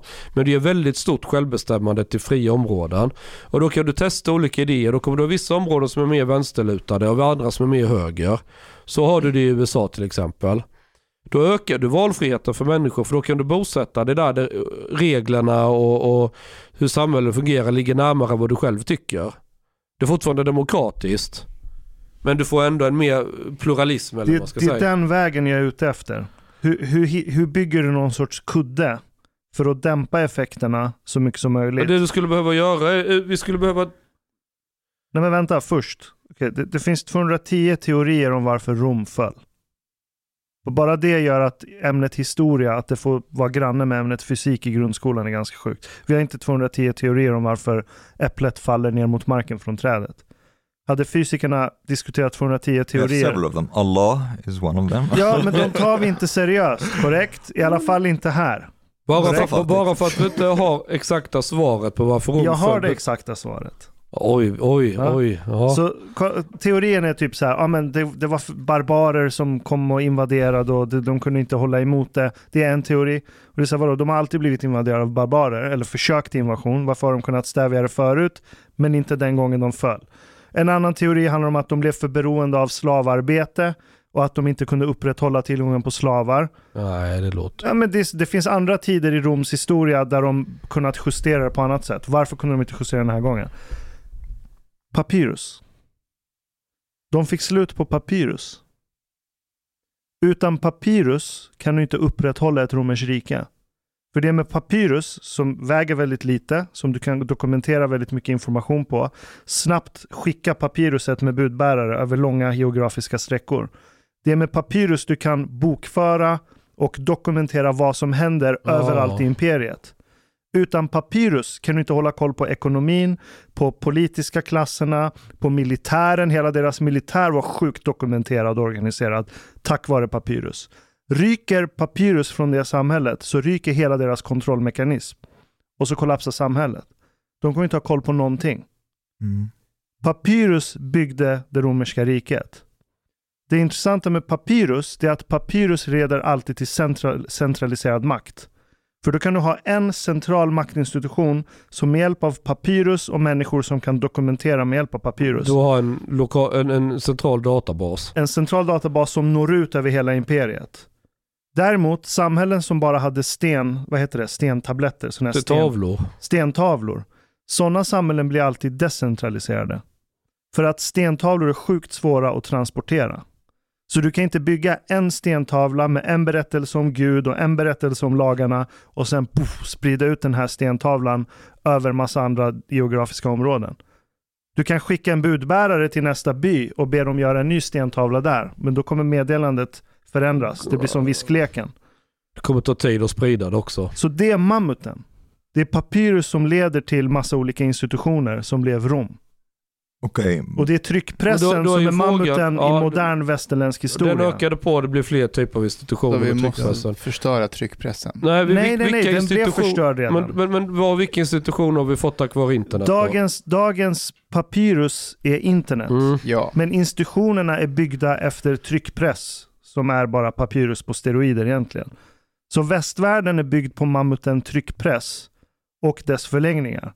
fast hur då på tryckpress? För att det är med tryckpress du kan upprätta global handel. Där du snabbt kan trycka information om hur du bygger verktyg och båtar och Men maskiner det ligger och man ju ut på apparater. internet ju. Ja. Vad sa du? Det ligger man ju ut på internet. Exakt, idag gör vi det. Ja. Så det betyder att vi har bytt ut vårt papyrus mot ett nytt sorts papyrus som heter Men internet. vi har bara effektiviserat samma sak. Nej, alltså dels internet är ju ännu mer sprid, lätt att sprida än papyrus. Det är ju instant, alltså Ja. elektroniskt. På en sekund kan mitt papyrus nå en annan persons ögon Ja. över andra sidan jorden. Så bara det gör att internet borde leda till mer centraliserad makt. Men, det För du kan, det väl, du kan ha stenkoll på fan hur varenda bro men vi har en mer centraliserad makt idag än vad vi hade innan. Exakt. Så internet leder till mer centralisering. Facebook och Google och de har ju... Ja. Exakt. Så internet leder inte till decentralisering som alla libertarianer trodde för 20 år sedan. blockchain väl? Och blockchain en motrörelse. Kanske. Men jag tror att efterfrågan på... Vi har inte byggt några institutioner på internet än. Det är min poäng. Nej men, min Men- poäng är precis som Rom föll så kommer ju Facebook och Google falla i dess centraliserade form. De kommer falla för att alla kan vara med. Och då dör alla institutioner. En institution måste vara elitistisk per, per definition, annars är det inte en institution. Okej, but Eller ja, de upphör att vara institutioner i den meningen men de kan vara en allmännytta precis som om vi backar 100 år så var det lyx att ha en dammsugare för då kom det en stor jävla häst med kärra och en stor jävla maskin som gick med en ångmotor och så stora slangar genom fönstret. Så det var bara exklusiva adresser på Östermalm som kunde... Vadå, liksom- de sög upp allt då? Nej, det var väl, den hade väl inte så mycket sugkraft. Det gick att da- dammsuga. Mm. Då var de fasta, det var jävligt lyxigt. Det var ju något fint och du vet visa grannarna att kolla här, här kommer de och dammsuger hos oss. Sen har kostnaden för dammsugaren blivit så jävla billig så vilken jävla luffare som helst har den. Men det, det, det betyder inte att, det har, att dammsugarindustrin har kollapsat, tvärtom. Det är en allmännyttighet. Jag tror Google och Facebook kommer bli mer av allmännyttighet och sönderreglerade med tiden. Mm. Det är väl vad som händer. but okay. Apart from like Men däremot behovet av det som, som han var inne, eh, Ashkan var inne på, egna frizoner, det tror jag kommer öka både i, alltså på nätet digitalt men också i, i fysiska verkliga livet. Det tror jag. Där folk vilja söka sig till likasinnade. Motsatta vägen till det, det är ju Kina. Mm. Kina har egentligen institutioner, sen är det förmodligen slump, som de har mergat med internet alldeles briljant utan att lägga en värdering i det. Jag vill inte ha Du kinesisk menar med diktatur. övervakning eller skiten ja. Exakt. Mm. De är Rom, de är romarriket på steroider med internet. Med sociala krediter och hela De har köret. sociala krediter, de har kameror överallt, de ser vad varenda medborgare gör hela tiden. De har total koll på sitt imperium. That's scary shit. Nej men som du var inne på innan att man vill ha ett garage mecka med andra likasinnade folk. Och det, det är många som hör av sig som vill göra samma sak för det fattas någonting i deras liv. Ja, men de måste ju gå igenom de här stegen. De måste fatta lite om bilar. Det kanske de lär sig där. men Ja det de kan måste, du lära dig där. Ja, de ja, behöver ja. skaffa något skrot i alla fall. ja, ja men det är väl världens, det det är världens enklaste sak. Ja, men bara det är Det är ett passivt tiden. filter. Ja, det är tiden att ta steget Mm. och göra det. Ja. But if we if we look away from like fitness, utility, and adaptation and all that, and let's like thought experiment, the circumstances are not changing, and you reach a stage of stagnation. Let's say the mammoth are there, you have the catapults, but that's it. Like nothing is changing, and so on. Like would would people still want to like i wonder if like there has to be some kind of nan- sense of national struggle for people want to like go somewhere if you tell a nation that's like here it is this is it for you like there's no prog- there, we're not going any place we're going to stay here isn't this like going to collapse also Jo. Jo, men då tror jag att människorna kommer bli en sorts mammut. Det kommer bildas grupper i det samhället som blir en sorts mammut. Som börjar göra påtryckningar som leder till förändring. Saudiarabien är ett bra exempel. This is it. Det här är våra lagar, det är sharia. Nu är det så här det ska bli. Det, det, det, det finns inget utrymme för förändring här. Så är det väl för en vanlig citizen i har Saudiarabien varit idag. men inte nu Har varit. Ja. Vad var det som hände? well the, it's difficult for them to live in isolation like this forever Vem ska göra... Du, du hittar ingen arab där som arbetar. Nej, men från, Någon måste laga mat och vem ska baka deras pizzor och så vidare. ja men där kan vi verkligen prata om de här Nej, men idiotargumenten. så här, från ingenstans får kvinnor i Saudiarabien plötsligt köra bil. Why? Varför? Var, var kom det ifrån? Because they Så att de hade ett demokratiskt moderna- samtal med moderna- Marken of Ideas? Moderna Nej. bilar vibrerar mindre så då blir de inte sexuellt upphetsade. Well, the one theory is that basically they want to like uh, do en omställning so that when they run out of oil, mm, because if they run out of oil they are fucked. Där har du mammuten, Ja, exakt. right? Yes, Så det är oljan som tvingar fram det. exakt. Eller brist på olja. Yes. In their case, I would say so. One theory. What if the immigrants are Sweden's mammoth? Det är en mammut. Så allt är dynamic. Det finns massa mammutar hela Ja, tiden. one of Det är them. en mammut. En Because and now, and now they är are ju- trying to get the mammoth outside, out of the suburbs. Ja, men alla, alla, Ja. alla stora nyttigheter vi har gemensamt. El, om elen försvinner i vinter, där kan du prata om mammut.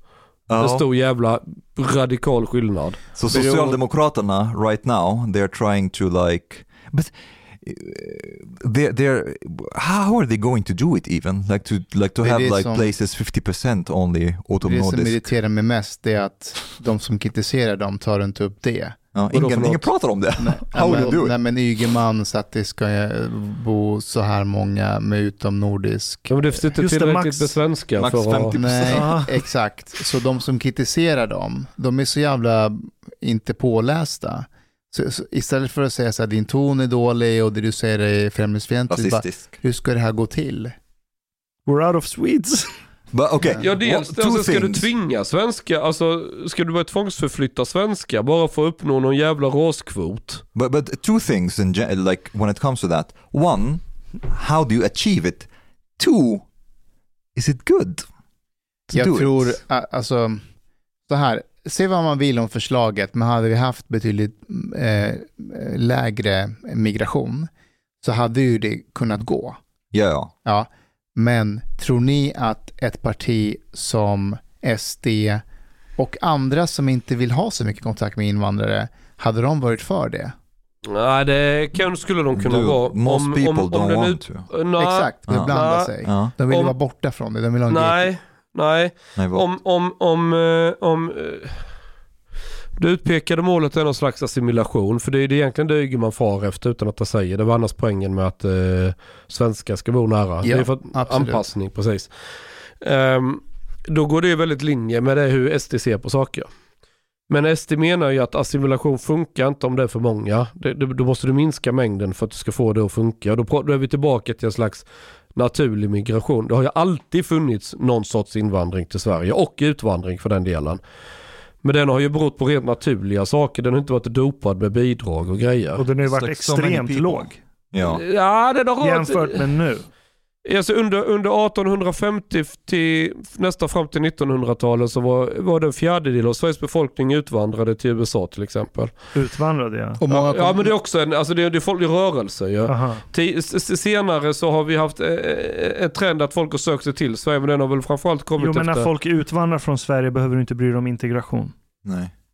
I det nya landet men inte här. Nej. Nej. Nej. Nej. Men, men, men det pratar av naturliga skäl så flyttar folk på sig. Här Ja, var det ja, naturliga klart. skälet att eh, det var svält i Småland. Sydöstra Småland var ett av de värsta områdena. Och man, tog, man, man, man var beredd att gambla med allt och att vi, vi provar lyckan i USA istället. Eh, det var ju det Vilhelm Moberg skildrade väldigt bra i sina böcker. Eh, Sen har du haft invandring till Sverige och det är väl från 30-40-talet framförallt och framåt. Och det berodde ju då på att vi hade en väldigt stark industri. För Sverige var ju jättefattigt innan dess. Men plötsligt låg Europa i ruin efter ett världskrig. Vi har vår industri intakt. Vi har en fungerande infrastruktur. Vi kan från dag ett producera vad Europa behöver. Och då växte vår industri något djävulskt plus att vi har varit väldigt duktiga i Sverige på att uppfinna saker. Vilket har skapat en jävla massa ny industri i Sverige. Och då har vi haft ett, eh, då har vi skrikit efter arbetskraft. Då har det varit en naturlig invandring igen därför att vi behöver folk som kan stå vid maskinen och jobba. Då kommer de från Italien, från forna Jugoslavien och, och var de nu kommer ifrån. Men sen har vi haft en dopad invandring som inte är naturlig. Det vill säga att man har lockat med bidrag. Det vill säga inte den här Ma- hur ska vi säga, marknaden har inte haft något att bestämma över. Yeah, th- yes, th- there is a difference between organic migration Ja exakt, organic you can and, call and, it. and subsidized migration. Ja, we så- we have had like if you like if you take America for example, there are an ex- there is an explosion of opportunities for example at that time, and people are migrating to the U.S. because they want to like take advantage of these opportunities. Uh, so it happens in an organic way. If these opportunities were not there, they would not have like left. Precis. Uh, but Passiv filter. Ja, but Ja, here, here you you didn't have this like organic um, incentive um, for it to happen. So you subsidized migration, and this, Alltså vi, vi har invandrare av samma skäl som en 13-årig tjej köper en ka- kanin och har i bur. Den är jättegullig och söt, den försörjer kaninen, fyller inget syfte. Men det är något man vill ha för att man vill känna sig, ja men åh, jag är gulligull. Det, det, la- det är samma sak när vi har ehm, eh, liksom en slags så kallad elit. Så vill ha en väldigt stor invandring. Ja men nu har vi gjort vårt och det är gulligt och fint av oss och bla bla Som bla. börjar Och så, kaninen skita. Ja, Nej men så, ja men så får de bo, bo där borta, inte hos oss men de har sitt... kanin. fur. Kaninburen måste städas, det luktar skit överallt. Ja men det, det blir en sån, ja men det, det, det blir ju typ så ju. yes, but the question börjar is, ligga med dina döttrar.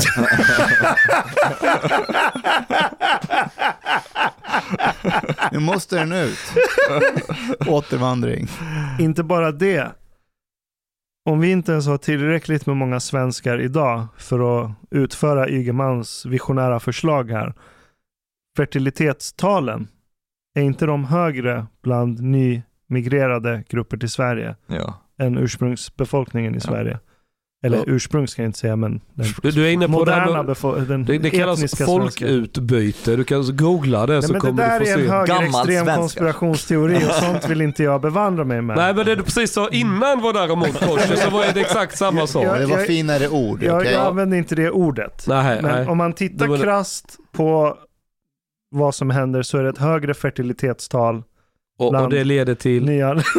berätta nu Ashkan, vad, ah, vad hamnar vi om De är- de är- 20-30 år? De, de kommer bli svenska medborgare, de är svenskar. Ja, det är vissa inget ord utbyte. använder vi bara inte. Nej. Okej? Folkutbyte, folkutbyte, folkutbyte. Men, eh, och inte bara det, vi vet också att andra generationens kids, det brukar ju gå sämre för många av dem än första generationen som faktiskt flyttade hit, eller? Alla har säkert gängvåld och allt det här. know, Det är inte. Där, alltså ja, det, har, det finns en trend där det är de som hamnar i kriminalitet Mm. och vanligtvis är det första generationen. Ja, men nu, är- nu är det skillnad på folk och folk här. För att det, det beror, är det. Ja, för att det beror på vilka folkgrupper du vill byta ut Sverige mot. Är det kineser så är det ett bättre folkutbyte än... Jag vill bara klämma in ordet folkutbyte här. Jag, jag förstår. Och, och det, du, jag, jag hatar att säga det här ibland, men du har en poäng. Chang, i det att det finns skillnad på folk och folk. Inte hudfärg, biologi, bla bla. Inte det. Men att, Men det är någon slags nedärvd essens. Nej. Jag förstår. nej, det är inte, det är inte, det är inte en nedvärd essens, men det är en inlärd essens. Jaha. Och, och, och, Är det kultur du menar eller? inte kultur per se, att du äter pizza och du äter tabbouleh och du är det här och du ber till alla. Det har inte ens ett shit med Jag det att göra. bit för bit dra Rashka ner i SD-träsket bit för bit. Komsi komsi. Men här, kolla. Många som förespråkar det här och säger att det här kommer lösa sig. De brukar säga, nej men efter två generationer så brukar de bli en del av samhället och så är det fine. Men det här är första gången vi i modern svensk tid har massinvandring från länder som inte har en djup och långt historiemässigt långtgående tradition av fonetiska alfabet och institutioner Mm. byggda på skrift. Mm. Det tror jag påverkar din kultur mycket mer än vad du äter och vad du ber till. Ja. Det är nytt den här gången. Du kan inte räkna in iranierna och jugoslaverna och bosnierna och chilenarna, italienarna, grekerna som kom förut. För de kommer alla från kulturer som har haft en lång historia av institutioner som är byggda på skrift. Som präglar extremt mycket hur du ser på dig själv, hur du ser på din Ja, ja, omgivning. ja, men de funkar ju också väldigt mycket enklare. De, de har mycket lättare att göra karriär. Att, Yes, att, för, för det är mycket lättare för dem att anamma individualism ja, ja. och ja, en ja. reduktionistisk syn på hur saker och ting ska fundera. Men turkarna! But aren't you, aren't you Jo, storstadsturkarna har integrerats utmärkt i Sverige. Utan problem. Men getknullarturkarna, de är... Istanbulturkarna har det gått jättebra för i Sverige. Men kommer du från landsbygden så är det annorlunda. But Ashkan isn't like in what you're saying an implicit assumption that second generation will basically kommer tillhöra samma kultur. Eh, de, nästan värre, de kommer vara mellan två kulturer. Yeah, it's a, it's a De kommer vara- de kommer vara identitet. De but- kommer vara identitetslösa och jag tror det är det som gör människor sjukt våldsamma. Det är när du inte har en identitet. Mm. Och, och kommer du hit från en kultur som har Jag trodde det var avsaknad av fritidsgård, inte identitet. Det, kom, kommer du från en kultur som inte har haft alfabetism och institutioner bygga, byggda på alfabetism under lång tid bakåt. Och så turkar är ju läs och skrivkunniga även på landsbygden och det gäller ju syrier med. Ja men det går bra för många syrier i Sverige. Assyrier.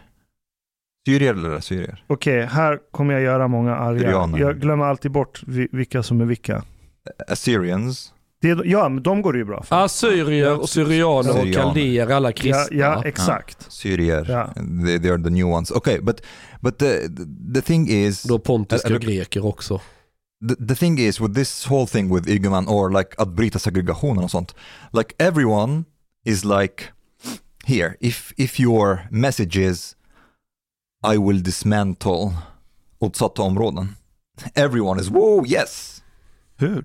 Yeah, but, but like yeah, but it's it's an idea that Okej. everyone can like ställa sig bakom. But så jag kommer få bort Rinkeby, men det kommer vara 50% Rinkeby överallt. this is this is something that people wait a second here. What do you mean 50% Not in my Rinkeby överallt? backyard. Ja, exakt. Så Vi får Rinkeby-metastaser. eh, Rinkeby light. Tror Eh, inte du att en sån som Ygeman och sossarna ser vart samhället är på väg? Det här de, de pratar om. de vet ju att det här inte, inte kommer att hända. Vi kommer att ha mer gated communities. Kanske inte med gated, men att folk kommer att segregera sig. Jag och då, kan, de, och då nej. kan de alltid säga Nej. i backspegeln senare att alltså vi försökte, vi ville ju bryta det här. Ja, Ja, ja, ja, du, du, du tror att de resonerar i flera steg framåt? men kom igen, det är ändå... Ingen av dem har en aning om vad vi är om tio år de har ingen vision om det Jo, det är Lex Damberg. De vet om det, men de kan inte säga Nej, det för att det skapar exakt. panik bland befolkningen. Men tror du de känner ett sånt, liksom, någon ansvarskänsla att fan vi måste sätta oss ner här och, och fundera vad ska Sverige vara om 10-20 år? Jag tror de har det, men inte kanske för att de är Moder Teresas, utan för att det är så här, vi måste kunna behålla, Behålla makten. Makten. För det är det enda karriär vi har. Vi har ingenting annat att göra. Men det är av det jag sett av sossarna hittills så har de, har de en framförhållning på 3-6 månader för att behålla makten. Utåt ja. Och det funkar ju i Sverige. Bevisligen. Okay, but here, what is the catapult for this man? Ja, men, de har redan, men de har redan satt oss i en situation nu som är jättejobbig. There's a catapult that sends the mammoth outside of the country. Catapults the mammoth.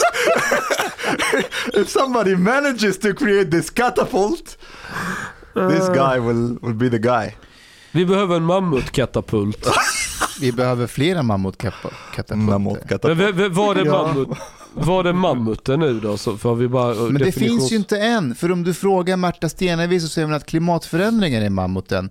Frågar du Richard Du menar Jomshof så- elefanten i rummet Ja, lite eller vad då säger han att det är islam och frågar du Björn Söder så är det de som spelar arabisk musik på bussen. Det är mammuten i rummet. Ja, och frågar du någon moderat så är det höga skatterna. Mammut är ju en föregångare till elefanten så att det är elefanten i rummet. Fast Och frågar du ha Aron håriga ja, ja. Så är det socialdemokratin.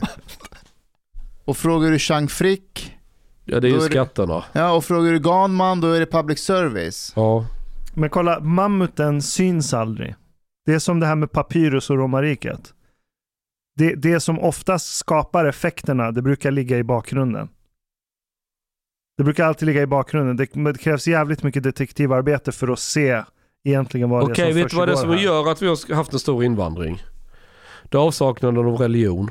När, när du går till kyrkan så får du frälsning och det behovet finns hos jättemånga människor. Du vill känna dig virtuous, du vet. Att jag har gjort rätt, jag får en bekräftelse, jag känner mig god som människa. Det är jätteviktigt, efter, alltså det är stor efterfrågan och det är något väldigt inneboende viktigt hos många människor. Men när du inte längre går till kyrkan och du inte får frälsning och känner virtuous som man säger på engelska eller den här grejen, frälsning eller vad man ska säga. Då söker du någon annanstans och det, då skapar man politisk korrekthet och hela den här flumgrejen och woke och allt vad det är. Och där ingår ju då att vi ska rädda halva världen, det vill säga vi är kaninen. Vi ska ta emot en massa människor men men man tänker på dem inte som din jämbördiga medmänniska som eh, på samma plan utan jag är här uppe och jag hjälper dig där nere, kolla vad god och fin jag är. Det är mer det synen vi har. Eh, och det, skulle folk istället gå till kyrkan och, och, och få sitt lustmäte där istället tillgodosett, då hade man inte behövt gå sen och leka Moder Teresa och importera massa... Mm. Ja, Så jag tror, jag tror att eh, But- vi, but skulle behöva mer religion i samhället. Någonting, någonting som talar emot det är att de flesta svenskar var emot invandring. Ja men... ja. men det, det motsäger ju inte det. Det motsäger inte det jag säger. Det är alltså, de som har makten, det har ju varit de här batikhäxorna som ska ha frälsning och vara goda och tävla i godhet. De har ju lyckats påverka resten. Jag förstår, but och få uh, this is maybe the oligarchy again. But um, there isn't, there doesn't seem to be consensus. One, about whether the situation that we are in right now is sustainable or not, It's not sustainable. culturally and economically. Yeah, but there isn't consensus on this. Let's say, for example, right now we have like zero migration. Can we klara? This, this is the first question that people need to answer. Det är en bra början. Det kommer Ja. Yeah, but, Men fertilitetstalen är fortfarande emot oss. is it possible or is it too late? kan vi klara oss? Nej, eller men inte? vänta, nu. Det- Lugn nu, det är inte favelan i, i Brasilien vi lever i. Det är klart vi kommer klara oss. Um, in what sense? Like economically you mean? Or what? Alltså, varför skulle inte vi klara oss ekonomiskt? It depends on what kind of like dependency ratio you will have in the future. Om statsministern går ut, som Göran Persson en gång i tiden gjorde och sa, skaffa fler barn. Ja, så inte de där utan ni andra som jobbar. Folk vill ju inte skaffa barn. Nej, men men när Göran Persson gjorde det, då gick det ju faktiskt upp lite.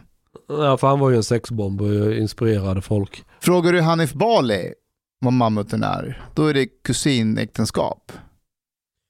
Skulle inte Socialstyrelsen kunna, okej, du, är från, du är livmoderbärare, förlåt det heter inte kvinna, det heter livmoderbärare, vilket är ännu bättre i det här sammanhanget.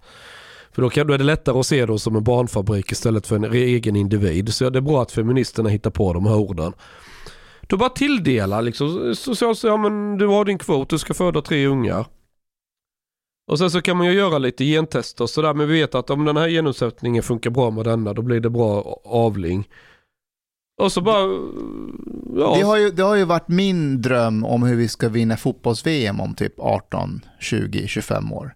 Det är att man tvingar alla Man elitspelare. Ja, ja. Zlatan ska få barn med alla de duktiga kvinnliga fotbollsspelarna i Sverige. Just, just a second. You, you, had a problem with folkutbyte and now you're talking eugenics openly. Ja, fan. Jag vill vinna Du ser hur VM. det går till att få in honom på... Jag vill vinna VM någon gång i alla fall under min livstid.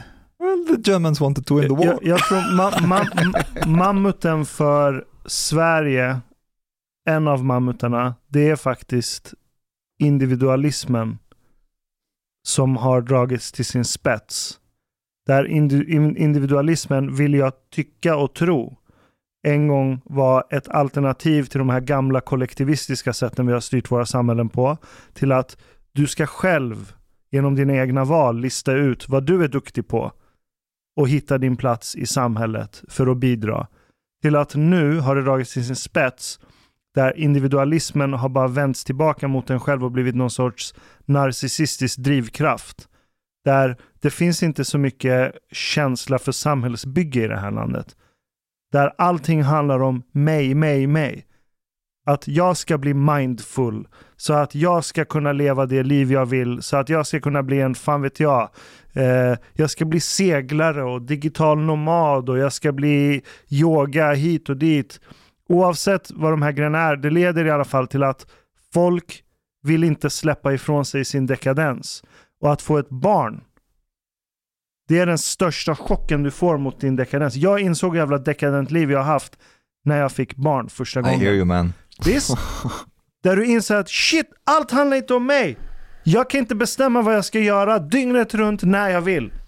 För att jag är omringad av överflöd. Jag har rinnande vatten i den här kranen. Jag har gratis värme. Jag kan bo i princip vart jag vill.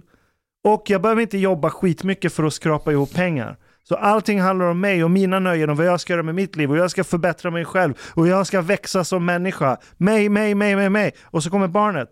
Bara shit, jag vet inte vad jag gör om en timme. It's not up to me. Det är upp till den här personen.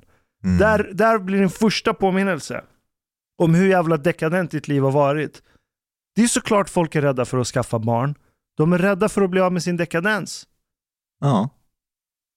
För att, för att de är helt fundamentalistiskt inne i den här narcissistiska självförverkligande psykosen som de är i. Men skulle det inte också underlätta för många människor så här, alltså, det finns ju många fruntimmer i 30-årsåldern som har panik.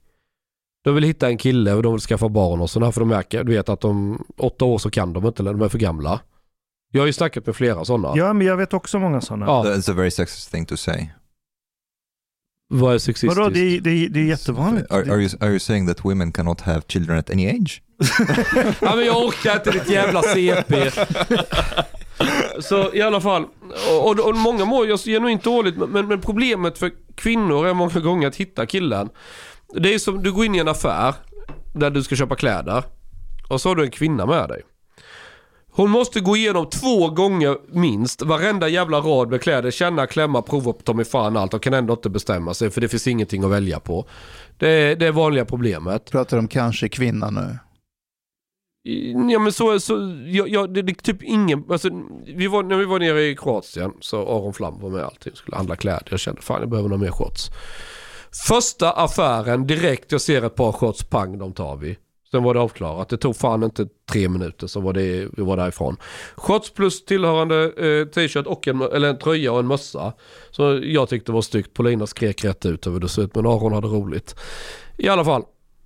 När en tjej ska handla någonting då är det i regel oj oj oj vad de ska gå igenom grejer och kan inte bestämma sig och fundera. Det märker jag hemma med Paulina beställer ju grejer. Sen provar hon den, nej, det, och så skickar hon tillbaka. Och så håller på så hela tiden. Det gjorde jag igår. Ja men du är lite tjej. Jag beställde Men- från Zalando. Två Men tänk jeans. då, jag tänker så här med val, och, och det här tänket är det med med killar.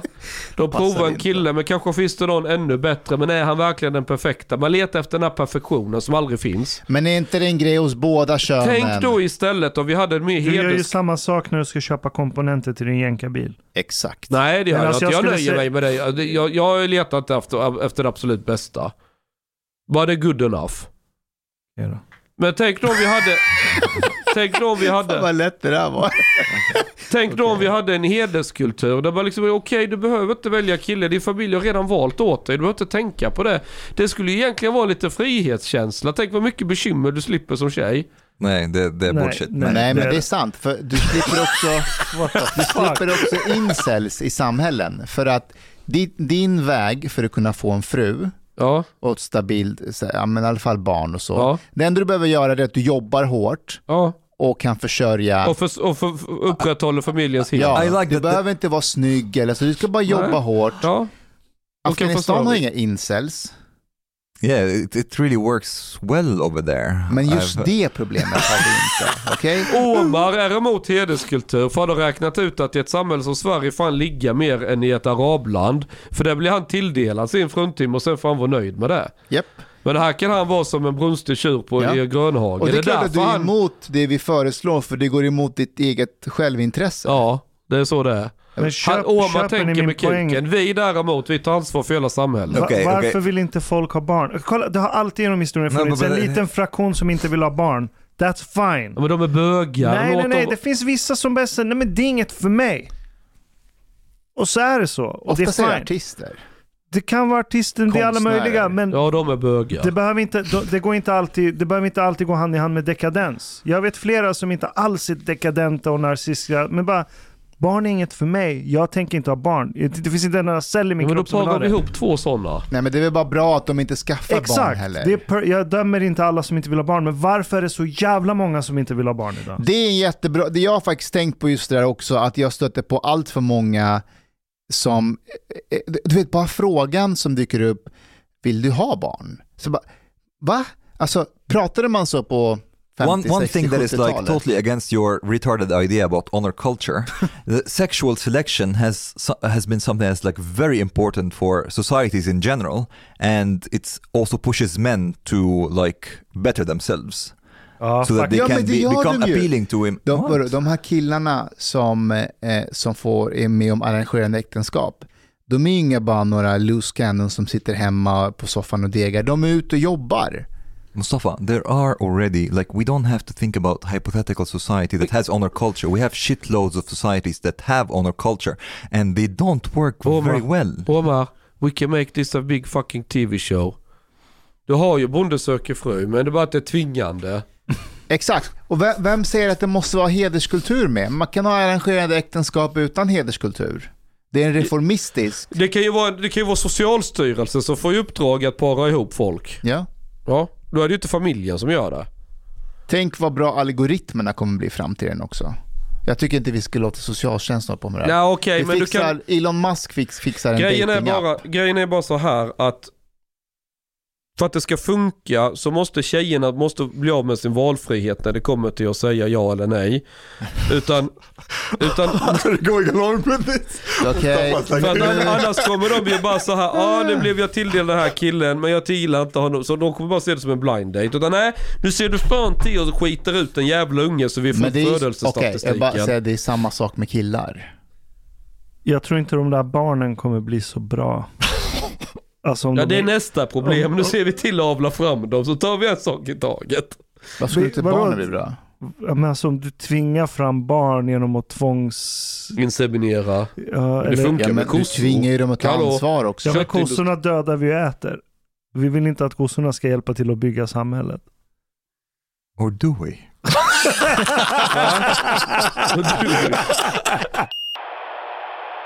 Hej podej, min vän. Lisna po mejnu. Du emiket fin menisza. Du harbeta lat biliet po klubzista moltit. En miket fin radioprogram i sferie. Tak ware dejso ardiet mojlikt for grabarna at trzopa kafe late ute potoriet. Betalar kningar. Shopa blut pudding till familjen. Oka tunnelbana. Eller dricka en kall Norrlands guldpoute servering, ibland. Dit bidrak jor grabarna miket glada. Dit stot jorzista moltit moilik, helt enkelt. Tak, min ven.